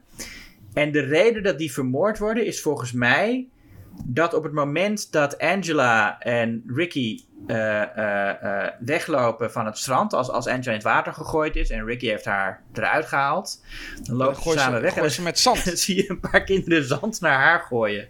Volgens Ja. mij, en, en dat is dan wraak daarvoor. Dat Angela is dan helemaal in paniek. Ja. Eh, en, en omdat ze ook in het water gegooid is en kan bijna geen adem meer halen. En, maar hij heeft ondertussen nog wel in een schuin oog gekeken en zien wie die Wie die- kutkinderen waren die, Ja. die, die op dat zand aan het gooien waren. Die krijg ik daarna nog wel. Ja. En ondertussen heb ik al even kunnen opzoeken dat dus eh, Ronnie, want Ronnie, zo heette, zo heette de eh, Dustin Hoffman die ik net zei, die gespierde eh, sympathieke vent. Mhm. En er is een Susie, die is bij hem. Ah ja. En zij zien, zij zijn getuigen van het volgende. Eh, Angela, oh eigenlijk Pieter, maar dan Angela, heeft dus Paul eh, vermoord. Ja. Ze waren zo'n leuk stel en we gunden ze zoveel, maar Angela heeft Paul echt onthoofd. Ja, maar ook omdat Paul met eh, een ander had gezoend, hè? Met Judy. Judy is echt een peckerhead, wordt dan nog gezegd. En zij zit dan met, met Pauls hoofd in haar schoot. Ja. Nou, staat dan op. Pauls hoofd rolt op de grond. Mhm. En Ronnie zegt dan: Oh, dat kan niet. Angela is een jongen. Ja. Ehm, en dan zien we ook, het is, het is een bizarre en heel eh, bekend eindshot. Dat is eh, Mhm. Angela die daar staat. Ehm, en dat is dan een, een, een gast, een, een, een welgelukkige eh, meerderjarige jongen. Ja. Met een masker op van Angela. Ja. Wat het extra naargeestig maakt. Omdat ze dan, eh, ja, die heeft, heeft ze de mond wagenwijd open op dat masker. Mhm. Kijkt heel dus raar. We horen ook een raar, ge, heel raar dierlijk geluid komt er uit haar mond. Ja, een soort... Ja, en dan zoomt de camera uit en dan zien we dus inderdaad... Ja, nee, klopt. Er, hangt inderdaad een, een, een Penis. Ja. Maar het blijft toch gek dat Paul is vermoord. Je moet je voorstellen, je bent onthoofd Ja. en de aandacht gaat volledig naar... Nou, dat kan toch niet? Angela is een jongen. Dat, moet, dat, dat is toch ook, ook wel lullig richting Paul, toch? Ja. Ja. ja. Maar goed, daar gaat wel de aandacht naartoe. Ja, en je, en je denkt dan, ik, ik, ik kende die twist ook al voordat ik eh, de film gezien had. Ik wist verder niet hoe dat allemaal precies zat, maar ik kende dat shot. En, en, en Sleepaway Camp heeft natuurlijk de reputatie van alleen maar dat shot en van dat einde. Dat is wat, en en ik, ik, ik dacht dat het zo'n film was die alleen maar dat heeft en verder niks. Eh, maar het, het- eigenlijk is die hele film, er zit, die hele film is gek. Ja. Er zitten zoveel leuke, gekke dingen in. Het is echt niet alleen dat eindshot. En eh, nee, het is echt, het is, ik, ik vind hem wel eh, 84 minuten. Dus ook lekker kort. Jij vindt hem 84 minuten. nee, ik wou, ik wou zeggen, ik vind hem wel ook lekker kort. En eh, ik zou hem echt aanraden, deze film. Ik zou echt, eh, als je denkt, het is alleen maar dat eindshot. eh, ga, ga, ga eens die hele film kijken. Kijk, dit gaat volstrekt tegen ons, ons hele concept van onze podcast in. Jij gaat hier nu aanraden, de film Sleepaway Camp. Ik, zou, ik raad ze allebei aan. Oh, je raadt ze allebei. Ja, aan. Oké. ja, ja. Dus dat is nog Maar dat- tegen het concept, maar dat geeft niks. Ik vind dat eindshot alsnog, ik wil erover zeggen, ik vind het echt, het zit, kijk, het is natuurlijk bedoeld als gewoon een schokkend eindshot en we gebruiken eh, thema's die, die, die controversieel en prikkelend zijn en we gaan inspelen op de, de, de, de, nou ja, de, de, de fucked up, de verknipte eh, lust en, en dat soort dingen. Ehm, maar het is ook de, het, werkt gewoon ook echt als een soort outsider art. Het is denk ik heel commercieel gedacht van die Robert Hiltzik. Dat hij zoiets wil doen. Maar het is ook, eh, door de uitwerking is het echt een soort, ja, eh, droomachtig, surrealistisch eh, beeld geworden. En met dat geluid erbij. En, en volgens mij zegt ze, je, je hoort ook nog iets op de achtergrond. Een soort gefluister of zo. En ja, het, ik, ik kan er niet over uit. Ik vind het echt een van de, een van de meest indrukwekkende finales. eh, Een van de meest indrukwekkende eindshots op een bepaalde manier. Omdat het zo. Het werkt zo goed, ho- hoewel het compleet belachelijk is. En het is ook lachwekkend. Maar het is ook nog wel effectief op de een of andere manier. Het is iconisch, maar het is wel, het is wel een einde waarbij je nadenkt over... Oké, wat is er eigenlijk... Waardoor is zij zo verknipt geraakt? En ja, ik ga er toch even vanuit hè, dat... dat, dat ehm, dat dit dat grotendeels door die moeder komt, maar ook voor, eigenlijk voor een groot deel door het ongeluk. Wat er überhaupt het trauma wat eh, is gebeurd door de dood van haar vader John Baker. Ja, en dan ook wel dat ze haar vader John Baker met die andere man in bed heeft zien liggen. Wat ja. Kijk, ik denk natuurlijk, Hiltzik heeft hier niet, heeft hier niet eh, boeken over psychologie zitten lezen en helemaal uitgedacht hoe zou dat nou werken. Hij denkt, stop gewoon een, st- een, stuk controvers- een paar controversiële dingen en wat trauma stop ik erin. En dan is het toch goed.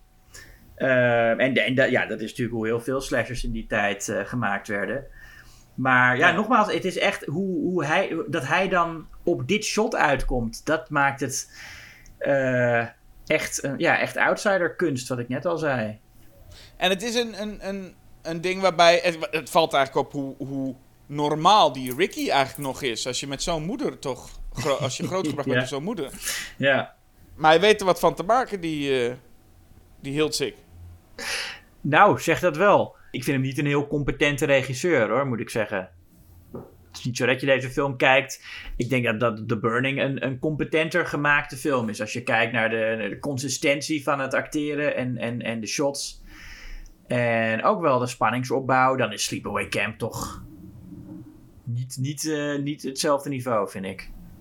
Nou, maak die gedachte maar eens af. Want jij moet nu uiteindelijk beargumenteren waarom Sleepaway Camp in de prullenbak moet en de Burning dus blijft. Ja. Nou ja, da- dat, is, da- dat is eigenlijk de gedachte, is dat, dat Sleepaway Camp... Ja, ja, maar, maar dat is ook stom te zeggen, want Sleepaway is juist leuk omdat hij zo amateuristisch is. En dus daarom is dat niet echt een, eh, een, eh, een, een goede gedachte. Ik, vind ik, vind het, ik heb dus één van de vervolgen gezien. De eerste, Unhappy Campers. Ja, die vond ik een beetje matig. Dat is, dat is zo'n slasher die dan ook...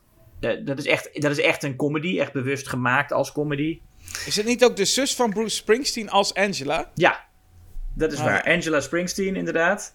Ze dachten, Oh, heet ze nou, ook, heet ze ook, echt, heet ze ook echt Angela Springsteen? eh, of nee, ze, noem, nee, Pamela Springsteen, sorry. Nee, ik zei Angela omdat ze inderdaad... Maar zij heet Pamela Springsteen.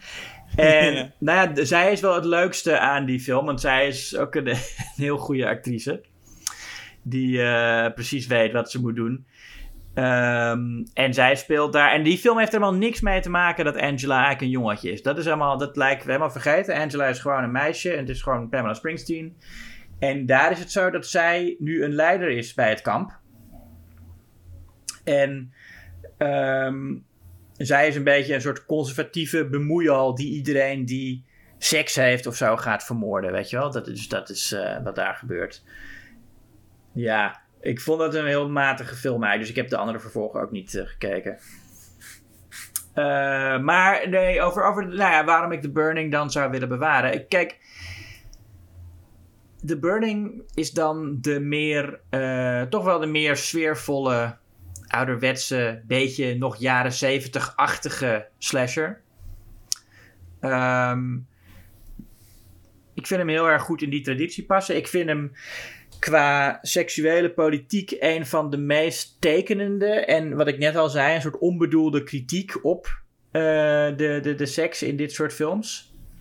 Eh, dus dat maakt het voor mij wel een interessante film om te, om te kijken. En, en soms is hij heel ongemakkelijk en heel, eh, ja. Maar dat hoort er ook allemaal bij. Dus dat is mijn niet al te enthousiaste verdediging van The Burning boven Sleepaway Camp. Ja, je hebt, je hebt het geprobeerd. Ik zou ze allebei aanraden, dat- zeg ik. Eh, ik weet nog toen we deze keuze maakten en ik Sleepaway Camp eh, zag en wist, oh, ik moet het voor deze film gaan opnemen, dat ik dacht, oh yes, wat fijn. Ja. Zeker toen ik daarna ook The Burning zag, want dat was ook de juiste volgorde om eens in te kijken. Eerst Sleepaway Camp en The Burning, want dat valt echt op dus, wat ik al zei, hoe saai The Burning op heel veel vlakken is. Maar het heeft veel te maken, niet alleen zozeer omdat The Burning echt een hele saaie film is, maar vooral omdat Sleepaway Camp is, is ja, dat is eigenlijk echt camp, wat mij betreft. Ja. Op, op, op, op, het is zo sleazy, zo over de top geacteerd. Het is knettergek in alles. Alle keuzes die gemaakt worden. En dat maakt deze film echt heel uniek. Ja, The Burning heeft een, een, een, een, een leuke theme. Het is leuk om die paar eh, eh, acteurs te zien. eh, jonge acteurs zoals ehm, Jason Alexander. En er zit één toffe kill-sequentie in, waar Tom Savini ook wel even losgaat. Maar ik vind veelal toch The Burning best wel saai. En vooral die, die, die, die climax met, met, met Todd en Alfred vind ik echt... Ja, is onvergeeflijk. Zou Nou, bijna willen zeg. zeggen. Ja. ja, ik ga toch wat hardere toon nu aanslaan toch wel voor dat einde. Dat is echt niet, eh, is niet goed. Is gewoon, vind ik niet ja. goed. Ja, ja, ja, ja. Dus Nou. ik, heb, eh, ik heb eigenlijk weinig problemen The Burning in de prullenbak te doen. Sorry Harvey Weinstein. Daar gaat je film. Ja. Eh, maar Sleepaway Camp blijft en ik raad iedereen aan deze film deze zomer nog even te zien. ja, nou ja, ik, ik zou ze dus allebei aanraden. Ja, dat is niet het concept, hè? Nee, moest- maar nee, nee, nee. In jouw het universum bestaat Sleepaway universum Camp niet meer. Helaas, Sleepaway Camp eh, weg. Ja. Het is natuurlijk eigenlijk pas een antwoord als de luisteraar antwoord heeft gegeven op deze vraag. Ja. Dus aan welk kamp sta jij, luisteraar?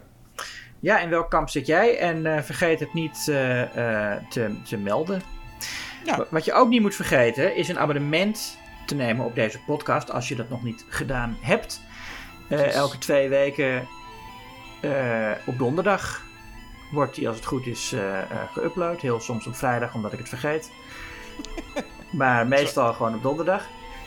Ehm, wat nog meer? Je moet ook naar schokkendnieuws.nl en je moet eh, een abonnement nemen op het fysieke blad, het tijdschrift Schok het Nieuws, het eh, enige filmglossy van de Benelux.